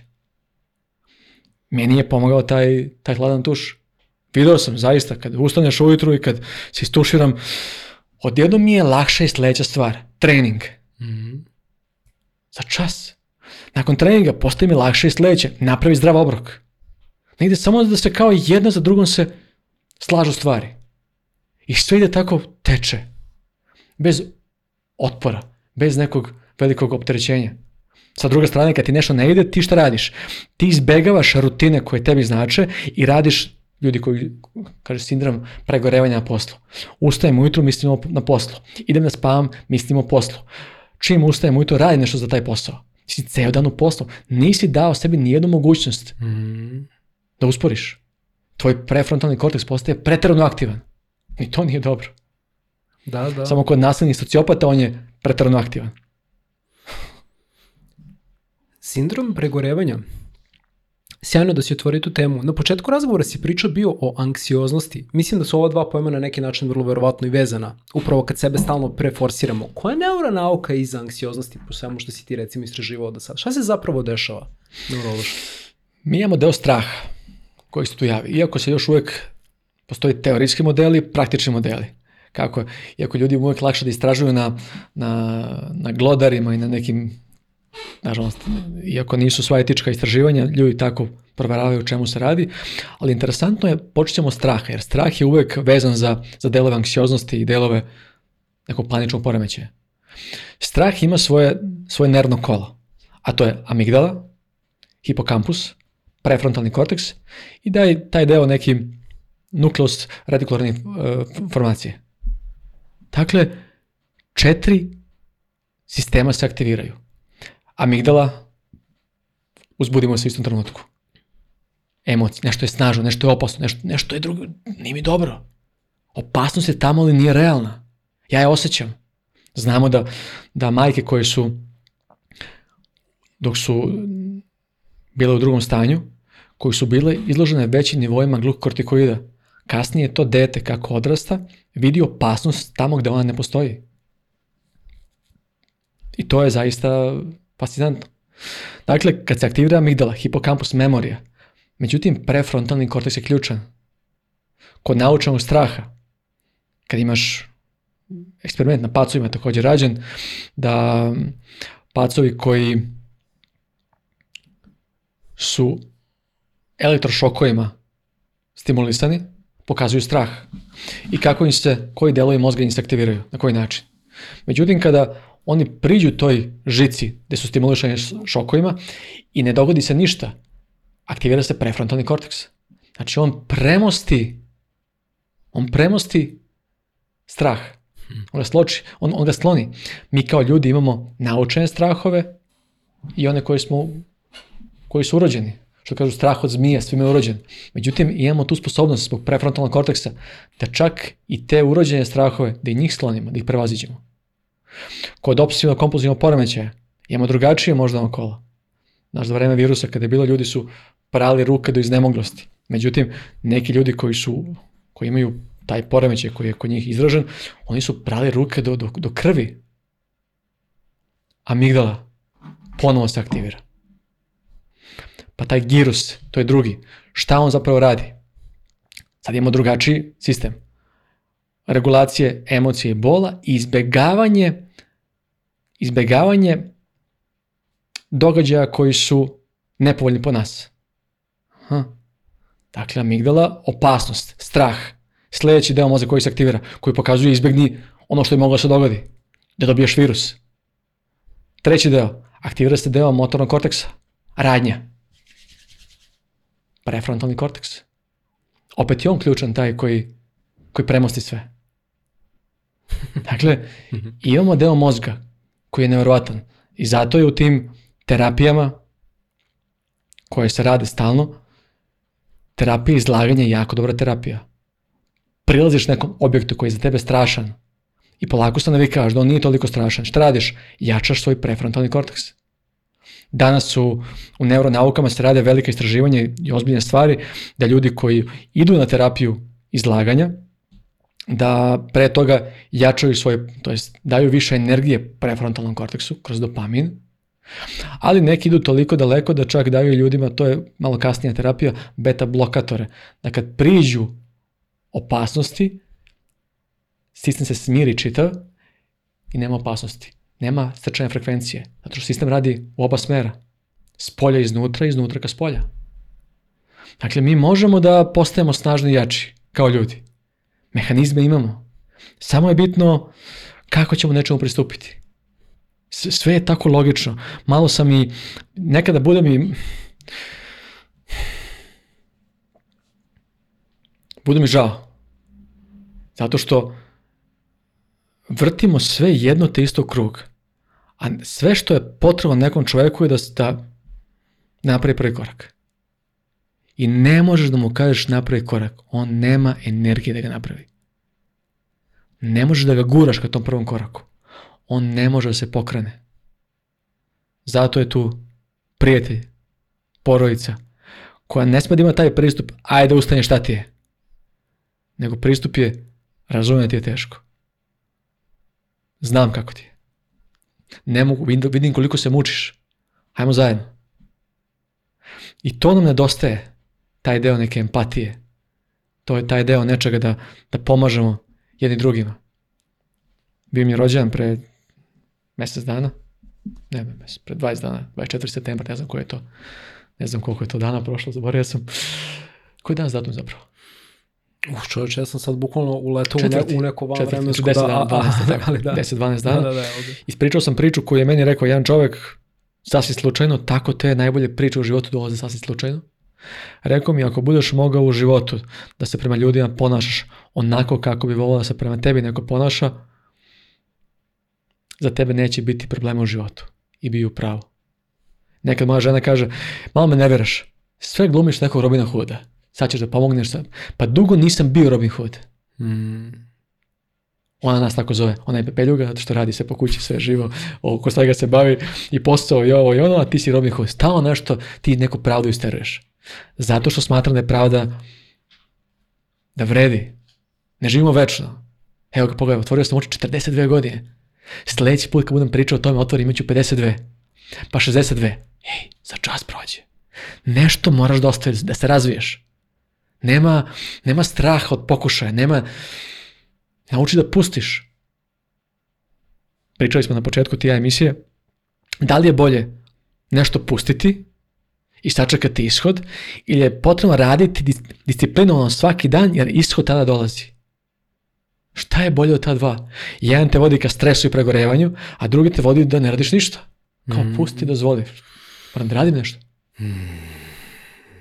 Opet je ta sredina. Radiš kad pregoriš, sačekaš. Međutim, konkurencija i ovom vreme, mreža i svega, ljudi gledaju jedni druge, posmatraju. Koliko je donalo dobra, toliko je donalo i zla. Jer odjednom mi gledamo šta radi neko drugi. Aha, napredovo je, a ja stagniram. Idem sad ja. Čekaj. Tvoji resursi trenutno nisu, nisu dobri. Bolje idi prošetaj malo, budi s ljudima koje voliš, pričaj, edukuj se u tešini svoga doma, nešto uradi, šta god da ti padne na pamet uradi. I kada ojačaš dovoljno kreni. Trening je, ljudi mnogi kažu, trening je njima spasao život. Jeste, trening čoveka pokrene. Ništa bolje ne upali čitav mozak od treninga. Toliko ga aktivira, bolje se osjećaš u svojoj koži. Prirodno je da je čovjek aktivan, da se kreće. I da ima prijatelja, da ima društvo. društvo. Gledao sam emisiju na Netflixu o zatvorenicima. Bivši zatvorenik koji je 12 godina bio u zatvoru, osuđen nepravedno, I nakon toliko godina rečio da snimi emisiju u naj težim zatvorima sveta. I prvu sam pogledao, bila je u Finskoj rađena epizoda i jedan momak je svi su ti zatvornici šetali, nešto radili neke poslove, svako je neki drugačiji cilj, a jedan momak koji je imao 19 godina, 18, on je bio ceo dan u ćeli. Nije nigdje izlazio. I čak ovaj momak koji snima emisiju, on kaže ovako malo mi je neobično. Taj mladić u četiri uđe u svoju ćeliju i tu je do sutra ujutru. U Finskoj, daju ti. U Finskoj nije kazna suština tog, tog zatvora, nego, nego lični razvoj, radi promena. Tako doživljavaju to. Inače, Finska je jedna od vodećih država po stopi nasilja. Da, iako mirno sve dobro, ali... Stvarno? Nisam nije znao, to da, čuo sam, čuo sam u toj emisiji, da, da. nevjerojatno. Dakle, on je izabrao da sedi u sobi ceo dan, čitav dan, ne ide napolje, stimuliše se. I ovaj mu kaže drugi, ej, meni je pomagalo, znaš šta, odem napolje, vežbam. Bolje se osjećam. Pa da, nisi izolovan. Mhm. Trebaju nam ljudi oko nas. To su bitne stvari. Pričao si o tom, e, o toj suptilnoj granici baš razmišljam evo sad upravo o tome. Ta suptilna granica prepuštanja i delovanja u svetu. Jer upravo to što si rekao, deluje da se sve nekako toliko brzo odvija i da kao da stalno jurimo te neke sledeće trenutke. Dok se okrenemo, dok smo stigli do sledećeg, život je već prošao. A opet u tom procesu shvatiš da ako se ne prepustiš u nekom trenutku, ako si u konstantnoj borbi, da nekako ni to nije rešenje. I mnogo razmišljam o tome u poslednje mm. vreme. Kako da se prepustim životu, a da ne budem pasivan. I onda sam sebi to, bar koliko ovaj, kognitivno mogu tome da doskočim, objasnio da prepuštanje podrazumeva za mene Ne pasivnost u smislu da ću ja da prestanem da radim stvari. Ne, ja ću da radim stvari, ali ću prepustiti opterećivanje po pitanju ishoda tom nečemu drugom. U smislu, ja ću da nastavim da vežbam, ali neću mnogo misliti o tome. Jednostavno ću da uživam u tom trenutku. Hmm. Prepustit ću se trenutku u kom ja nešto radim. A, naravno, gledat ću da to što radim za mene ima smisla. I to je to i da pratim to što za mene ima smisla u datom trenutku i što je u skladu sa mojim osjećanjima. Jer, do, jer dosta je složeno kada, kada se razmišlja o tome. Život je avantura. Mm. Neverovatna avantura. Puna bola, puna patnje, puna ljubavi, zadovoljstva, osmeha i svega. Kakva je to avantura čiji kraj znaš već? Mm. Nega mi je to palo na pamet. Šta će mi ishod? hoću da radim ne, nešto što za mene ima smisla, kako bih napredao na kraju dana kao čovek. Šteta je što, što ovo nije tema emisija, edukacija i svega je kako da pojedinac ojača. Kako da svaki pojedinac, svakoj porodici ojača na neki način. Jer to je za 20 godina drugačije društvo. Sigurno. Mm-hmm. Mi pričamo o nekim stvarima koje, kojima nismo dorasli, koje nisu teme svega ovoga. Tražimo teme koje su popularne. Mm. Pričali smo o tome na početku. Šta je popularno? A zapravo najpopularnija stvar je da jedan, jedna devojka, jedan mladić koji sede u kući i sobi upale tvoj podcast i, i pogledaju korake kako da promene svoj život. Neće njima, njima ništa pomoći što znaju da je neko nešto radio i postao bogat. Mm. Što je rekao jedan moj prijatelj, Neki danas ljudi su obogate i to pokazuju na, na, na sve moguće načine. Mene je sramota da pokažem da sam bogat. Sramota me. To je za mene i moju porodicu. Znaju kako živimo i sve ostalo. Sramota me da, da se hvalim drugima. Zašto bi se hvalio?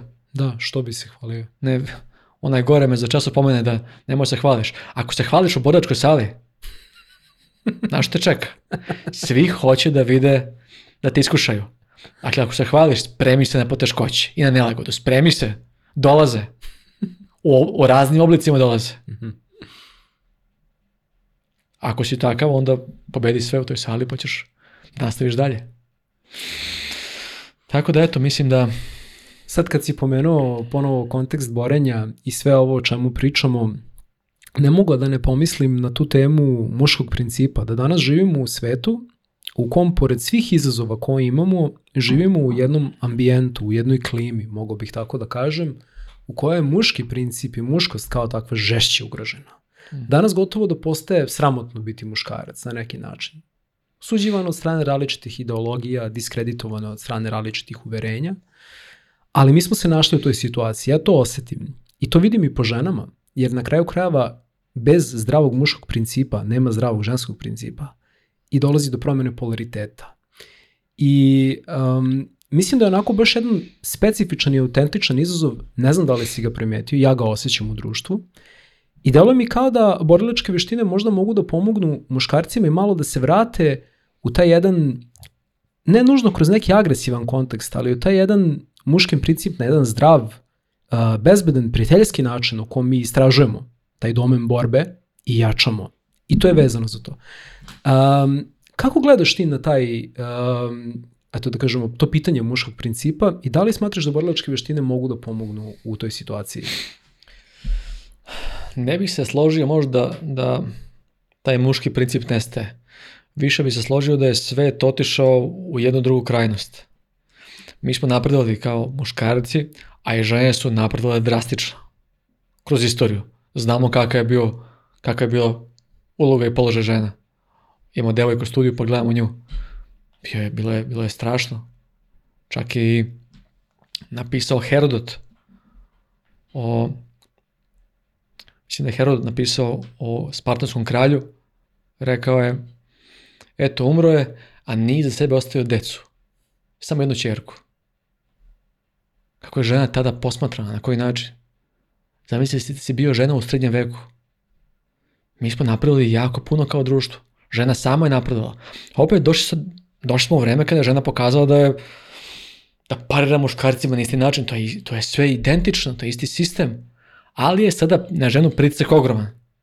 Budi uspešna, budi poslovna, budi obrazovana, radi sve po kući, skuvaj deci, održavaj porodicu, sada je to takvo optrećenje na tu ženu koje, koje je nemoguće. Sa druge strane, muškarac se ne snalazi sa jakim ženama a pa on polako počinje da se gubi. Aleluja.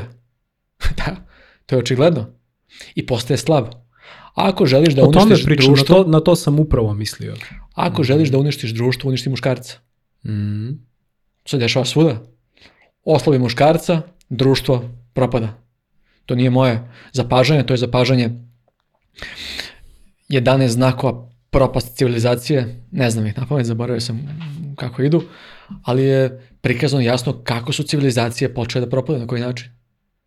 I u pravoj porodici i muškarac i žena imaju zadatak isti.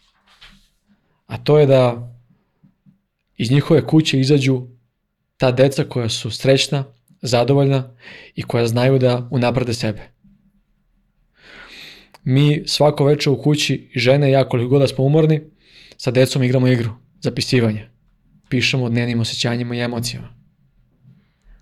Bitno je za decu da znaju kako se osjećaju, da te emocije ispolje. Prvo je bilo mišljenje, bit će im to dosadno. A onda smo videli da je to i tekako njima zanimljivo, da žele da igra traje malo duže. Muškarac ne može da ako žena ne daje podršku. To je tako. Može da ali otići u neku destrukciju. I tako i sa drugom stranom isto.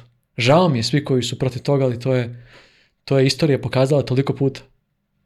To je jedan, jedan spoj koji menja svet. Bez dileme, bez ičega. Samo eto, živimo u takvim vremenima da imamo previše izbora, a znamo kako je to sa previše izbora. Ako imaš malo izbora, to jest ako imaš jedno i milion, to je identično. Ako imaš tri, četiri, to je najbolje.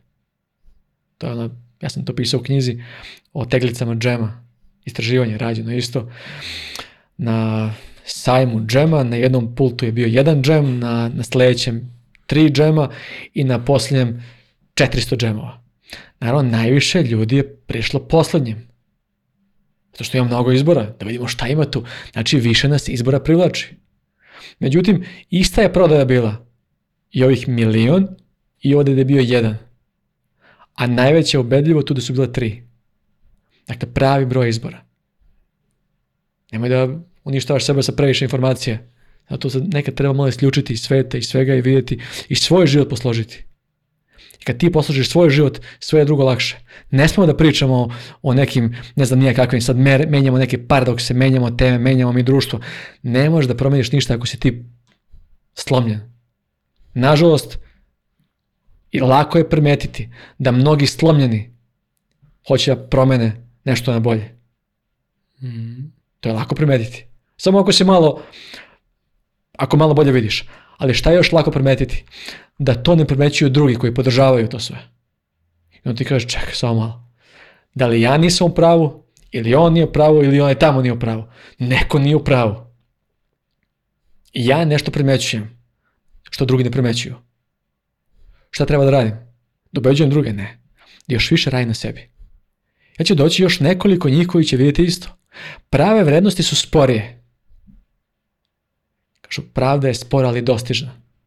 Ali one kad dođu, kad prevladaju, to je, to je tako. Koje su neke od tih, ajde da kažem, pravih vrednosti životnih kojima se ti generalno vodiš u svom životu? Prvo pravilo koje poštujem svakodnevno, a to je kad sa mojim decom pričam da, se, da kleknem dole ili sa bilo kojom drugom malom djecom kad pričam, kleknem dole. Hoću da pričamo u ravni. Da osete da sam s njima blizu. Da, je, da su, da sam u visini očiju. Drugo pravilo koje se vodim jeste da čim ustajem ujutru, moram da kažem mojoj ženi da je volim. Ili bar da je zagrlim, da je poljubim, šta god.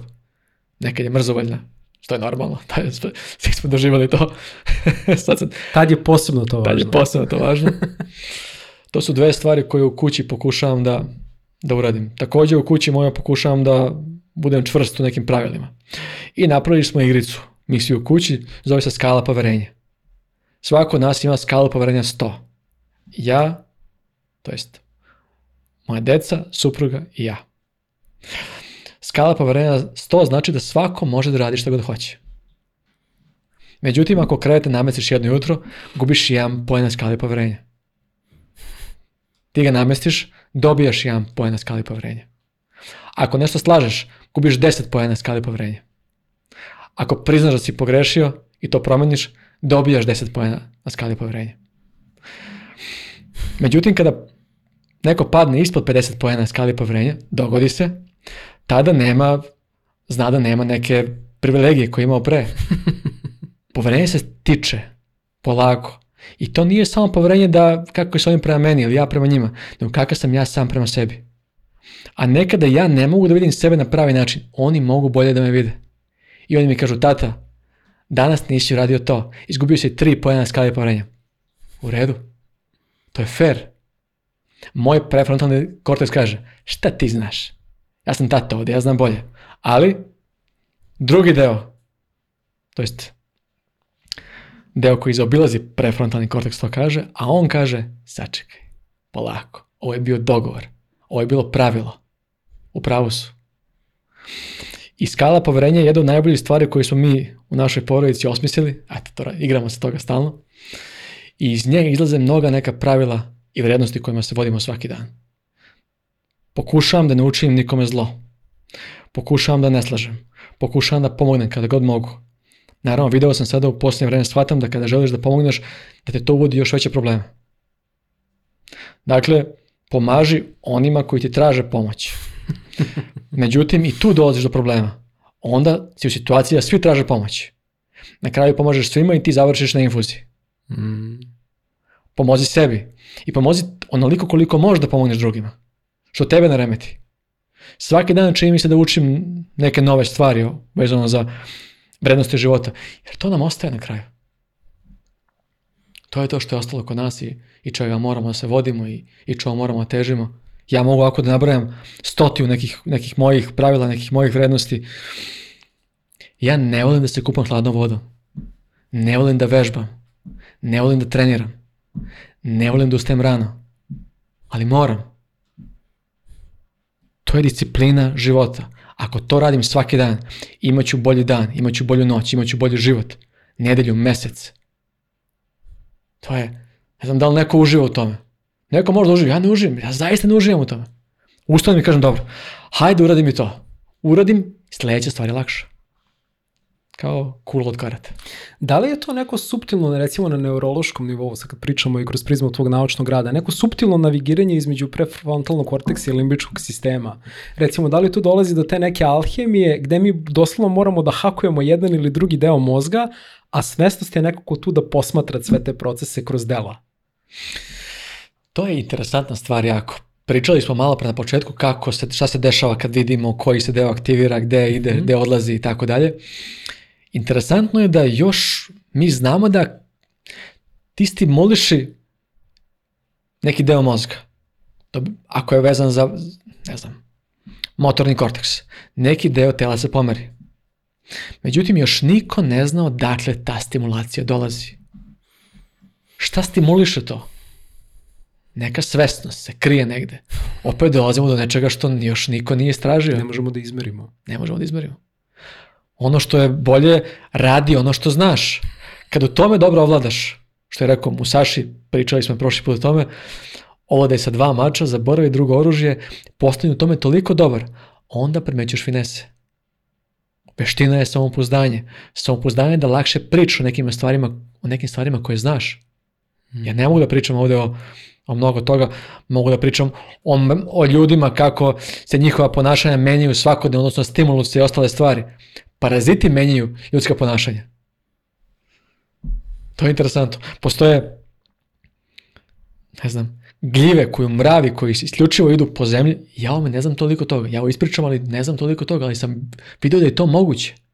Dakle, moje samopouzdanje ome što pričam nije toliko efikasno. Mm -hmm. Ću da ispričam to. Dakle, postoje mravi koji su na zemlji, koji hodaju stalno po zemlji. Tu se kreću, tu se hrani i sve ostalo. Postoje gljive koje oni pojedu, Znači, gljive su eukariote, isto kao i paraziti imaju složenu strukturu i jedro. Oni pojedu tu gljivu i gljiva nakon nekog vremena, taj parazit, on nagna mrava da se penje uz drvo. Kad se mrava popne na određenu visinu, okrene se određeni ugao prema suncu, određena temperatura, on stane i umre. I gljiva iz njega izlazi i hrani s njegovim telom. Onda su naočici uzeli i to mrava koji je pojao tu gljivu, nisu mu dali da ide gore. Šta se dogodilo? Ništa. Parazit, ta gljiva se nije aktivirala. Dakle, paraziti naša ponašanja kontrolišu. Ta toksoplazma gondija, mislim da se zove, da je to naziv, um, nalazi se u stomaku mačaka. Mačka izbaci izmetom. Pacovi jedu mači izmet. Parazit uđe u pacova Šta radi tad parazit pacu? On ga oslabi. Oslepi ga, razboli ga da je bio slabi. Da mačka možda da ga pojede ponovo. Dakle, oni imaju taj krug, ciklus, gde menjuju svoja staništa. To je njihov životni ciklus. Nevjerojatno je to da na kraju kada su pacova inficirali tim, tim parazitom, on je stajao jednom ćošku te, to malo kaveza i kada inače izbaciš urin mačke, Paco beže od njega. A sada je on bio privučen tim urinom. Neodoljiva uzbuđenost urinom. Parazit. Dakle, mi ljudi smo izloženi parazitima svaki dan.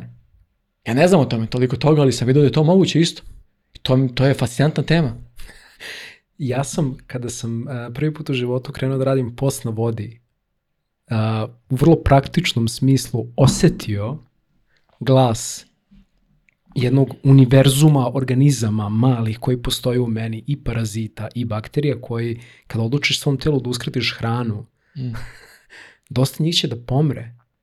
I oni bukvalno kreću kroz impuls ja ti šalju pa jedi, ne, jedi, jedi, ne, ali što, što ne bi jeo, jesi lud, mm. zašto mm. donosiš takvu odluku? Zanimljivo je kako mi od svih, mislim sad, bar koliko, koliko ovi mislim da znam, a, od svih vrsta na planeti nam je data ta neka autentična svest da mi možemo da posmatramo te procese i da svedočimo jednom. Ja sam bukvalno u trenutku kada sam uskraćivao sebi hranu, ulazio u neko blago stanje šizofrenije. U meni je telo, krenulo, krenuli su da se bude drugi sistemi koji su bili Pa ne, pa dobro, ajde možeš da nedelju dana to da uradiš, ne moramo danas. Ne, ajde, ajde, pojedi, pojedi nešto bar malo, pa dobro, možeš bar badem. Pa misliš što da ne, pa misliš na kraju krava naš ništa neće biti svest koja je bila, ne, uskratit ćeš sebi, vo, uskratit ćeš sebi hranu narednih 48 sati. Mm. I zanimljivo je do kakvih transformativnih procesa čak i na nivou svesti dolazi u tome. Mm. Jer kao da svesnost u trenutku kada mi odlučimo svesno da donesemo određenu odluku, krećemo više da postajemo svesni mm, mm. sobstvenih odluka. Mm. Pa ti kad si gladan ti si agresivni isto. da, da, da, da, da. To da, nije slučajno. Da, da lateralni hipotalamus je povezan sa agresijom, ali je takođe povezan sa hranjenjem. Zato se mešaju ta ponašanja često. Hm. Negde, tako smo lako umraženi, mhm. da smo lako predvidivi. Toliko toga utiče na nas. I da je vreme da zaboravimo sve ove priče koje nam pričamo svaki dan o neke ideje i da, da ojačamo pojedinca. Evo, kogod ovo sluša, kogod ovo gledam, mora bi da vidi kakve su njegove životne navike i rutine kad ustane ujutru. Mora bi se pozabaviti sobom na taj način. To je potreba njega i njegovog života. On možda taj život provede tek tako olako. I ne može da gleda neke nečije druge korake. Ukucaj taj algoritam, bit će ti bolje. Neće. Ti moraš da uradiš jednu stvar, a to je da premostiš svoje svoj mehanizam, svoj sistem. Ne volim sistem reč kada je u pitanju naš, naša tela, ali nemamo bolju reč. Pa to koristim. Ti možeš da premostiš sebe, svoja ponašanja, svoje navike i sve ono ko si ti. Da bi ti ovladao sobom. I onda vidiš šta je za tebe naj, najkonkretnije. Zato neki ljudi kažu šta ja džabe pišem svaki dan radi na sebi kad to ne donosi ništa. Mm. Pa da, rad na sebi ti donosi jednu stvar, a to je da ne želiš ono što žele drugi. To je prva stvar. Odjednom postaneš svestan da ti ne želiš to sve što bi drugi želeli u tom trenutku. Odjednom ti bude čudno što neki ljudi kad se pojavi trend, svi skaču da, da pokupe taj trend. Bude ti čudno, zašto oni to rade? ti toliko se baviš sobom da si ti izvan toga. Ti nisi neko superno biće. Tek si ti slab. Tek ti znaš koliko ne znaš ništa. Tek tad je spoznaješ. Yes. Vidiš zapravo da si toliko toga učinio što nije bilo dobro prema sebi, prema drugima i hoćeš to da menjaš. A opet ne želiš nikoga da osuđuješ i da kritikuješ, jer tu ne dolazi ništa. Kritiku društvu mogu da postave ljudi, oni koji su toliko dobri sami sa sobom, zbog čega su svi volili pokojnog Vladetu Jerotića. Čini mi se da je on toliko vladao sobom, svojim mhm. glasom, svojim emocijama, kontrolom i sve imalo smisla. Mhm. Čak i kada je govorio o nečemu što je bilo možda malo na granici provokacije, niko to nije uzeo za zlo, nijednu provokaciju. Zašto? Jer se u njemu ostila ta ta iskonska samospoznaja. Upoznao je sebe, svoje mane, svoje probleme, upoznao je toliko ljudi, toliko njih radio i vidio je šta je ljudska priroda. I znao je da samo može kroz neki svoj miran ton i glas, autentičan da prenese ljudima nešto, pa ko uhvati, kome to prija, prija, neko čuje, neko čuje i nešto promeni, neko čuje, promeni, primeni sve. Tako da, to je usko vezano za tu temu samopouzdanja o kojoj pričamo sad, kako si baš pomenuo vladetu, da taj moment da ti radiš ono što tebi ima smisla i da si u nekako u miru sa tim. Mm. To mi deluje da je apsolutno sastani deo samopouzdanja. Edukacija. Da. Edukacija, edukacija, edukacija, mm. edukacija, edukacija. Svaki dan se edukuje oko svega. Da, da. Ja čitam istoriju, geografiju, arheologiju, sve živo čitam, sve me zanima, radoznao sam, interesuje me. Radoznalost je jedna od sedam sedam snaga karaktera. Kad si radoznao, lakše napreduš u životu, istražujem razne stvari o biljkama, o cvetu, o meni, o, o drugim ljudima. I odjednom se zakači nešto što je za mene baš dobro. Mm -hmm. Radozna, radoznalost mi je donela da sam istražio neki novi svet. I ja pokušavam da uradim to. Kad nešto vidim, onda dam sebi vreme da istrajem u tome. Istrajnost, druga crta karaktera koja je povezana sa sedam snaga kojima ljudi, ljudi koji imaju tih sedam snaga karaktera su uspešni u životu. Evo ma, bit ću u tome istrajan, bar neko vreme. Međutim, ako sam istrajan, radim to mehanički, nemam ka tome strast, entuzijazam, entuzijazam ka ishodu. Moram da imam to kod sebe. Optimizam, bit ću optimista. Dešavaju se loše događaje na tom putu ja ću uspeti nekako da, da sagledam to pozitivno. Sama kontrola. Pokušat ću da se regulišem, da kontrolišem sebe u nekim momentima zahvalnost. Biću zahvalan što, što mi je dobro, što nisam bolestan, što se osjećam zaista sjajno u svojoj koži, što mogu da se krećem. Došao sam kod tebe prošli put ovde, vrtalo mi se u glavi. Neki virus te napadne za čas. Mnogo i... dobar razgovor bio. da. I ti vidiš koliko si krh. Da, da. Koliko si nejak. Mhm. Koliko si zapostavio sebe za... i koliko ti treba vremena da ti sebe namestiš. Ne možemo da krećemo drugačije. Ja sam siguran u to i kogod misli da, da je to drugačije, to nije tako. Jednostavno, ko želi da, promeni, da pomogne ljudima, da se oni unaprede, da se promene, mora da svakog čoveka savjetuje da unapredi sebe. I to je sistem školski je zbog toga nevjerovatan. Jer pomaže ljudima i deci da se edukuju, da se obrazuju. On je loš zato što ne zna kako da se izbori sa nasiljem. Ne zna kako da reguliše roditelje koji odgaju nastavnika kući. Jer oni ne vide da, da taj mali nastavnik je učio od njih, taj mali sileđija. I danas sastanak roditeljski u nekoj školi, oni ti kažu pa zvaćemo roditeljne razgovori. Šta onda? Kako se promeni to? Dakle, neki zakoni moraju se uvedu. Uvedi borlačke vještine u školu. 50, uvedi, 50% manje. uvedi borlački sport u školu. da, da, da. Broj dva, edukacija roditelja konstantna. Zabranite deci do 15 godina društvene mreže. Šta će im to? To nije prirodno da samo trošiš dopamin na novi sadržaj. Nije prirodno. Videli smo šta se događa nakon nekog vremena. Deca nemaju mogućnost da rade teže stvari. Prefrontalni korteks nema energiju, nema gorivo. Znači, desi se šta? Da se previše dopamina izluči i onda dođe do tog jednog kao o, o jedno prezasićenja, jednostavno da se njihova e, kognitivna funkcija gasi. Nivoj padnu skroz dole i ti ne možeš da uradiš teže stvari, nemaš motivaciju za njima. Kako Kako se odvija ta dinamika? U, šta, šta se dešava pre nego što padnu? Dakle, neko se izloži. Ajde, ajde da, da objasnimo, recimo, po prvi put malo detaljnije, možda neuro, neuro, um, neurološku neurološku Sistem priču. Sistem je kompleksan sist, dosta. Da, socijalnih mreža. On je, on je dosta kompleksan, ali ako preskočimo struktura nekoliko, vidjet ćemo da amigdale primaju senzorne informacije. Prefrontalni kortec obrađuje, obrađuje te informacije. Ako ih imamo previše u trenutku, Oni stižu, mi stimulišemo sebe senzorno, to nikada u istoriji tako nije bilo pre da si toliko stimulisan. Da, nikada nije postojalo nikada. do sada. Da, da. Šta radiš? Upoređuješ se. Ja sam radio eksperiment na sebi, to sam upisio, upisao u knjizi. Kad sam poredio sebe sa drugima, 7, 14 dana čini mi se i onda sam sebe sa sobom iz prošlosti poredio. Ono o čemu svi pričaju. Uradi te dve stvari da vidimo kako to deluje na tebe. Dakle, odjednom ti imaš toliko stimulusa toliko stvari se događa koje primaš da toliko ne možeš da obradiš informacija. I energetska ukola tvojom mozgu ne mogu to da isprate. Nivoji samo padnu dole. Anticipacija. Dopamin. Anticipacija. Nagrada. Nešto će doći. Šta dolazi? 3 sekunde, 3 sekunde, 3 sekunde. Pažnja troši mnogo energije. Ne zaboravi da je deo mozga koji je za usporednu pažnju vezan za regulaciju emocija i boli. I to je suština. Ovi zakoni su interesantni. Meni lično mnogo. Uvedite borilački sport u osnovne škola.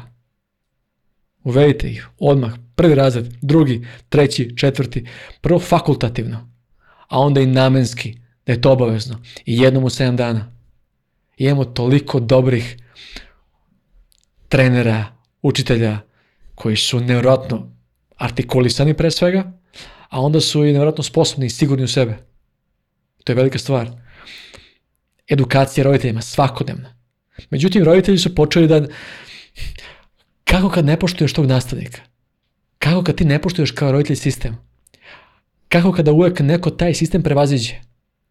kad ga premosti, ko te ljude kažnjava? Likargus je to u Sparti rešio, a Gog je sistem edukacije. Da svi uče isto da stvori društvo koje je neprikosnoveno. Ali je počeo od pojedinca. Tek ih je učio u 20. godini, u mladosti.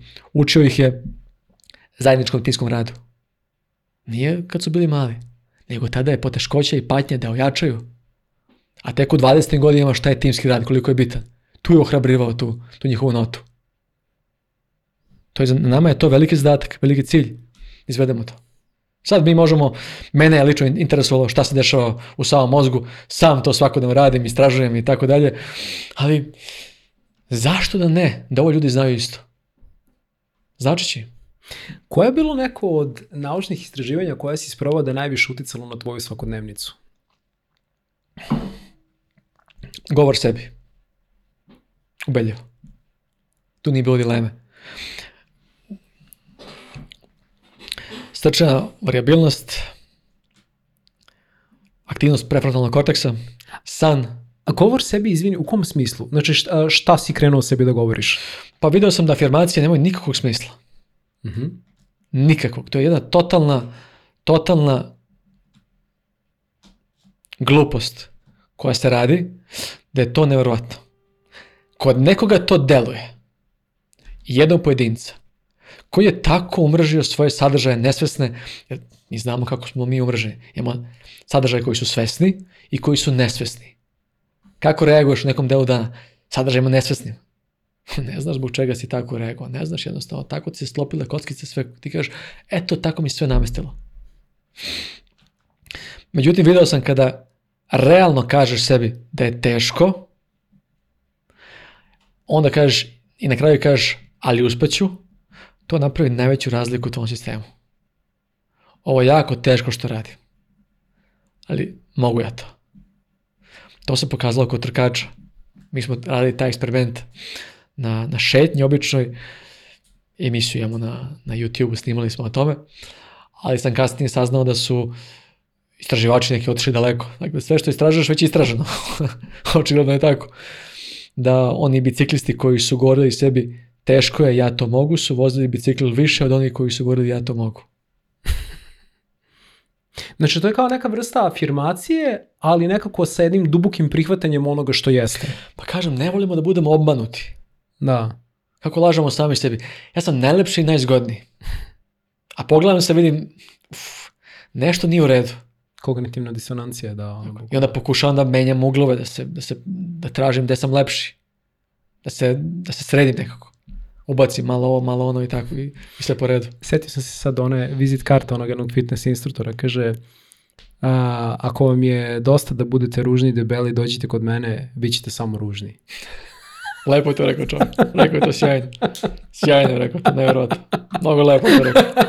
Pozdrav za njega koga daje, ne znamo, ali odlično je to rekao. Nema, nema šta. Eto, da. i, sve jednostavno. Jako jednostavno. Iako moja žena kaže, nije sve jednostavno, sve je komplikovano. Kako je komplikovano? Pa evo, ajde sad ti nešto uradi od svog života. To je komplikovan set veština koje moraš da uradiš. pa, ali to je jednostavno. Ne počinješ od svih veština. Počneš od jedne. Pa da, treba mi 20 godina. Zato jeste jednostavno. Jedno po jedno. Taman kad se prva namesti i složi i kad više u njoj nema šta da dobiješ, ali uvek nešto ima da se dobije, ti dođeš, dođe sledeća, dođe treća, četvrta. Ja sam od 2010. godine do 2023. godine naučio mnogo toga o nervnom sistemu, o mozgu, čak sam imao priliku da ga vidim kako izgleda uživo. Sve sam razne stvari sam video mojom ličnom inicijativom. Zvao sam, slao, pitao, pisao, samo iz jedne težnje – da pomognem sebi. Taj pokretač je bio veliki. Šta misliš da ti od svih stvari koje si probao najviše pomoglo? Sve. Objektivno. Mislim Objektivno, onako sad da. kao, pretpostavljam da jeste to da. skup da. različitih skup, uticaja skup. koje si dobijao, ali jeste. delo da su borilačke veštine radile veliki deo u tome. Kako ne? Osjećaš se kao čovek. Mm. Šta je suština života? Fundamentalna. Da preživimo. Sve drugo nije. Da preživiš koliko god možeš na ovom svetu. I boranje ti da neku tu jednu osnovu, da si ti sposobni, da si ti sigurni malo u sebe. Boranje ti ne znači na ulici ništa. To je suština boranja da izbjegneš konflikt na ulici. Uvek je neko jači taman kad misliš da, si, da, da, ti sad nešto možeš, neko jači. Ne, ne samo to, noževi, pištolji, razne stvari, grupe ljudi, više njih na tebe, svašta može se dogoditi. Dakle, izbjegavaj konflikt. Ali ta sala spaja ljude. Dodir, socijalni kontakt, socijalna inteligencija je ta sedma, sedmi deo karaktera. Dodir je toliko bitan. Recimo, 70. godine je dokazano da, da bebe koji su bili u inkubatoru, da one koji su imali dodir se sestara ili osoblja koje je bilo pored njih ili, maj, ili majki, da su se brže razvijale od onih koji nisu imali nikakav dodir, nego su bile u tim sterilnim uslovima. Dakle, dodir je jako bitan. I ti u tom borilačkom sportu ti imaš stalno s nekim kontakt i dodir. Drugo telo osetiš. Zagrlje od 8 sekundi. Endorfin se izluči u velikim količinama mi smo sad u klubu kad smo bili, pa taj Španac je donao, Rodrigo Corrales donao je tu priču, radio je s nekim neuronaučnikom, ne znam sa kim, koji mu je rekao da dodir od 8 sekundi podiže drastično nivo endorfina. E, to isti ja ne znam, ali to nam je prenao, pa smo mi to svi usvojili. I onda je bila ideja u klubu da svi idemo grlimo sa 8 sekundi. I zaista dobar je osjećaj. Sa čovjekom se povežeš. Ja ne znam, dva čoveka u sali koja uđu u konflikt, uđu u kontrolisan sparing, druže se, to je veza neka koja je neraskidiva. Vazopresin vezuje muškarce neku poteškoću rešiš, dva muškarca reše poteškoću, neku sukob i postao najbolji prijatelj. Šta je vazopresin? Jedan od hormona koji tako deluje na, bila je priča interesantna, pričali smo o tome i pre, o tome kako dva muškarca koja imaju sukob u vezi svega, odu u rat zajedno, prežive rat i postao najbolji prijatelji. Uh mhm. -huh. I vazopresin je jedan od hormona koji je za to zadužen. Da li se on luči samo u ekstremnim situacijama ili? a ne, ima, ima razne svoje funkcije, ali eto, bilo je kao ko što je kod žena recimo bio u slučaju oksitocin, kod muškaraca je bio vazopresin. Mm -hmm. Recimo, interesantno je, nisam to rekao malo pre, možda je to reći interesantno, kad su u pitanju agresije, kad je u pitanju. I žene takođe reaguju kao i muškarci na agresiju isto. Imaju iste receptore kao i muškarci.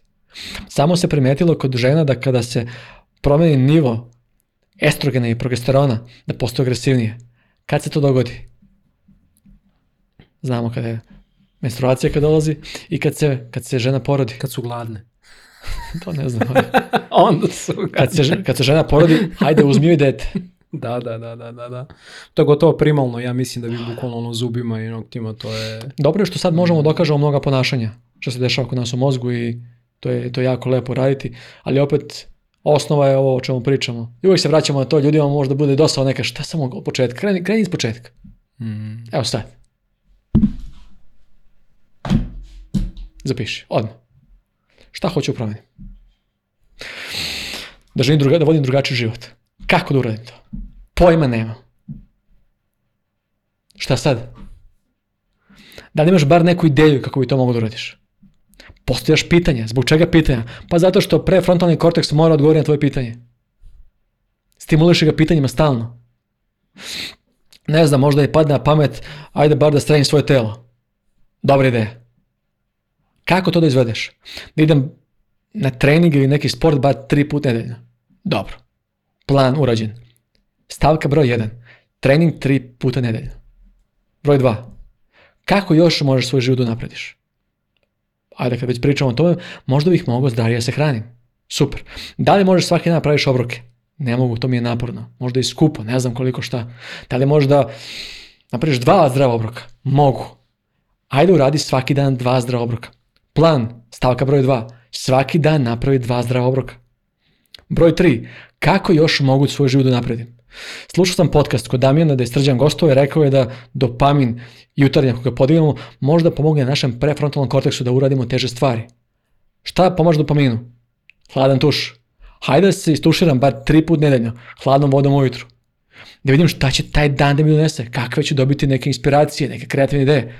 Plan, stavka broj 3, uradi to i to. Šta još možeš da uradiš? Kao da nemam dobre prilike u životu. Kako to da izvedeš? Više se druži. Kada si posljednji put pozvao prijatelja? Pa, zovem ih, ali ne toliko često. Iniciraj nekoliko sastanaka. Broj 5. Tri puta nedeljno se vidi sa prijateljima. Iniciraj druženje. Sastanke. Idemo dalje. Šta još možda uradiš? Loša mi je u mom braku, u odnosu. Kako to možda popraviš? Nikako. Žena je nerazumna. Dobro. Ja možeš s njom da razgovaraš? Mogu. Ali već šta god da joj kažem, on će da skočiti na mene. Ja možda joj kažeš ovako, hajmo da pričamo. Ne želim da te povredim. Ne želim da kažem ništa protiv tebe, ti si moj najbitniji saveznik na ovom svetu. Da li možemo da pričamo, razgovaramo, da rešimo probleme? Mi nemamo probleme, problemi su naši problemi. Hajmo da se borimo sa problemima, a ne jedno sa drugim. Mogu. Nedelja. Stavka broj 7. Nedelja, 6 posle podne, deca su u igralištu i ja sa ženom razgovaram na tu temu. Evo ga, plan života u 7 stavki. Da li će ovih 7 stavki da promeni tvoj život? Unapredit će ga sigurno.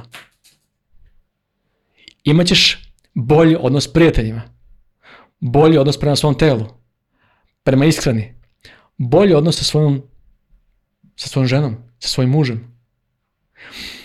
I ovo sam ja uradio u svom životu. Ne znam mnogo o ovoj temi. Da li možda naučiš? Mogu. Kako? Nemam pojma. Hajde platim neki kurs, ali on je skup. Dobro, hajde radim mjesec dana da odvojim neke pare za taj kurs, pa da uložim u taj kurs pa da prođem šta o tome pričaju. A već si prošao mnogo kurseva, nije ti nije donao ništa. Donao ti iskustvo neko koje nisi mogao drugačije prođeš. Mm. I dan danas ovo radim. Toliko se edukujem, toliko učim, Sve samo iz jednog razloga. Želim da na kraju ovog života budem zaista srećan čovjek. I kao što je Čehov otišao u svoju smrt na njim kolicima u snegu, u miru, sam sa sobom, jednog dana kad uđe ta starost, želimo svi da dočekamo starost ne u strahu, ne u toj funkciji koju smo pričali, nego hoću da moj prefrontalni korteks bude zdrav i kaže, hej, ovo je sledeći korak, sledeća avantura. Sve si uradio što si mogao da uradiš. I sad između tog momenta i ovoga danas, ja imam neki period. Koji? Nepoznat period. Koliko dana, godina, meseci, decenija, još ne znamo. Ali hajde da uradim sve što mogu. Da ovaj sledeći period bude najbolja avantura mog života. Kakav je ishod? Ja ne znam o tome ništa. Ali šta znam?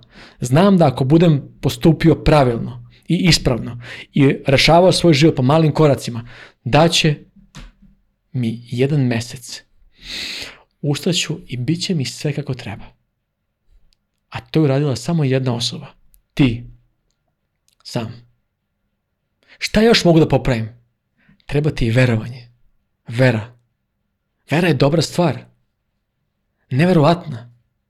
Ne očekuje od tebe ništa. Samo da veruješ i da ne brineš ni o čemu i budeš bolji u nečemu. I evo te ti si pokrio i svoj fizički aspekt i mentalni i duhovni aspekt svog bića. Sve si rešio. Naravno, postoje mnogi problemi sa kojima je čovjek suočen. Mnogi. Mi ne možemo čak i da ih nabrojimo koliko neke koliko problema postoji. Tvoj problem je totalno drugačiji od mog. Možda će meni tvoj da bude totalno absurdan, a tebi moj smešan. I zato su ta prijateljstva sjajna stvar. Ja sam bio loš prijatelj, priznajem. Izvinjavam se mojim prijateljima. Jednom periodu života nisam im se javljao. Imao sam svoje probleme. Mislio sam da su oni najbitniji na svetu, a nisam se njima javljao. Sada sam počeo da im se javljam. Kako si? Si li dobro? Da li ti nešto treba? Kako, si ti, kako je kući porodica? Da li hoćeš da se vidimo? Imaš li vremena za to? Hajmo da uradimo nešto zajedno. Hajmo da se družimo. Pa da li kad imaš porodicu ne možeš da se vodi s prijateljstvima na pravi način? Ko kaže? Ženo, slušaj, ja sam rekao moje Marijani pre par dana, Marijana, ja sam došao iz inostranstva pre mesec dana, ovde sam mesec dana i totalno sam džumbusu. Sve me je strefilo. Deca, obaveza škola, stotinu nekih stvari, projekata, meni treba 5 dana prirode. Ona kaže, pa idi na taru 5 dana, ja sam tu pokrivan te. Daj da pozove nekog, nekog prijatelja, je da sa mnom. Da li mogu nekoga da pozovem da ode sa mnom na tu planinu 7 dana? Zove neko druga. Češ da ideš? Zašto ne? Kad bi išao? Evo prilika On i ja se spojimo. Sljedeći put ja ću da kažem, Majo, čuvam decu, radim sve, kuvam, spremam, ja postanem ta pepeljuga, a ti idi negde gde ti god poželiš. Pa zar ovo nije sređivanje života? Zar ovo nije grupa ljudi koja, koja radi sve najbolje? borilački sport. Uvrsti njega u tvoj plan. Dva puta nedeljno. I onda kad se kad takav čovjek iznedri iz ovih sitnih akcija koje pravimo, e onda on može da stane i da kaže ljudima ljudi, nemojte da radite ništa. Radite kako je volja, kako je milo. Ovo je neko moje iskustvo, meni je dovoljno jedan lep život iz jednog totalnog haosa, ali nek radi kogo šta hoće, ko šta poželi. Ove stvari deluju na sve ljude. Sitan, mali plan akcije koje moramo da radimo. Svaki dan. Naravno, ti ćeš vidjeti u tome mnogo gluposti. Zašto? Imamo dve stotine kognitivnih pristrasnosti. Da mi tačno ne znamo, mislimo da smo mi u pravu, a nismo u pravu.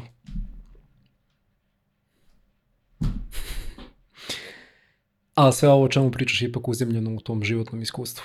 I to je stvari ono što je najbitnije. I zato smo ovde. Tu smo, da. Ovaj. Hvala ti puno, Srđe, na ovoj, na ovoj fenomenalnoj razmeni. Hvala ti puno na mudrosti koju deliš. I na tom jednom apetitu. da. Hvala ti na pozivu. Spoznaš. Hvala ti na pozivu. Živo sam zaista negde, eto, dobro je iz sebe izazvati u nekim novim temama, u nekim razmišljanjima. I rešio sam da u emisijama kojim dolazim da pokušam da ne pričam ono što znam, već ono što bi o čemu mogao sad da razmislim da možda sam sebe izazovem neke misli koje dolaze i stvari. Ovaj posljednji deo emisije došao upravo toga, ja sam želeo da izazovem sam sebe, da pomognem zapravo i sebi, kako ja, da se vratim u neki kolosek koji, iz koga sam ispao na neki način. Mm. Malim planom, koji sam radio svakodnevno i sad čim završimo, radit ću ga ponovo. Jer mesec dana vam plana već ste poremeti. Hvala ti na pozivu, uživao sam. Pozdrav Sjajno. Hvala svima vama koji ste ostali sa nama do kraja ove epizode. Nadam se da će uh, te u ovoj epizodi potencijalno naći taj poziv za to jedno samo preispitivanje um, i taj jedan poziv za tu jednu životnu avanturu koja nas sve čeka. Uh, putevi su razni, uh, svako od nas ima neki autentičan put koji sledi, ali verujem da ovakve razmene mogu da stimulišu, da donesemo određene odluke ili da promenimo određenu percepciju koja može da nas dovede do nekih iskustava o kojima nismo ni sanjali. Hvala vam i vidimo se uskoro u nekoj od novih epizoda Kosmičkih putnika. Ćao!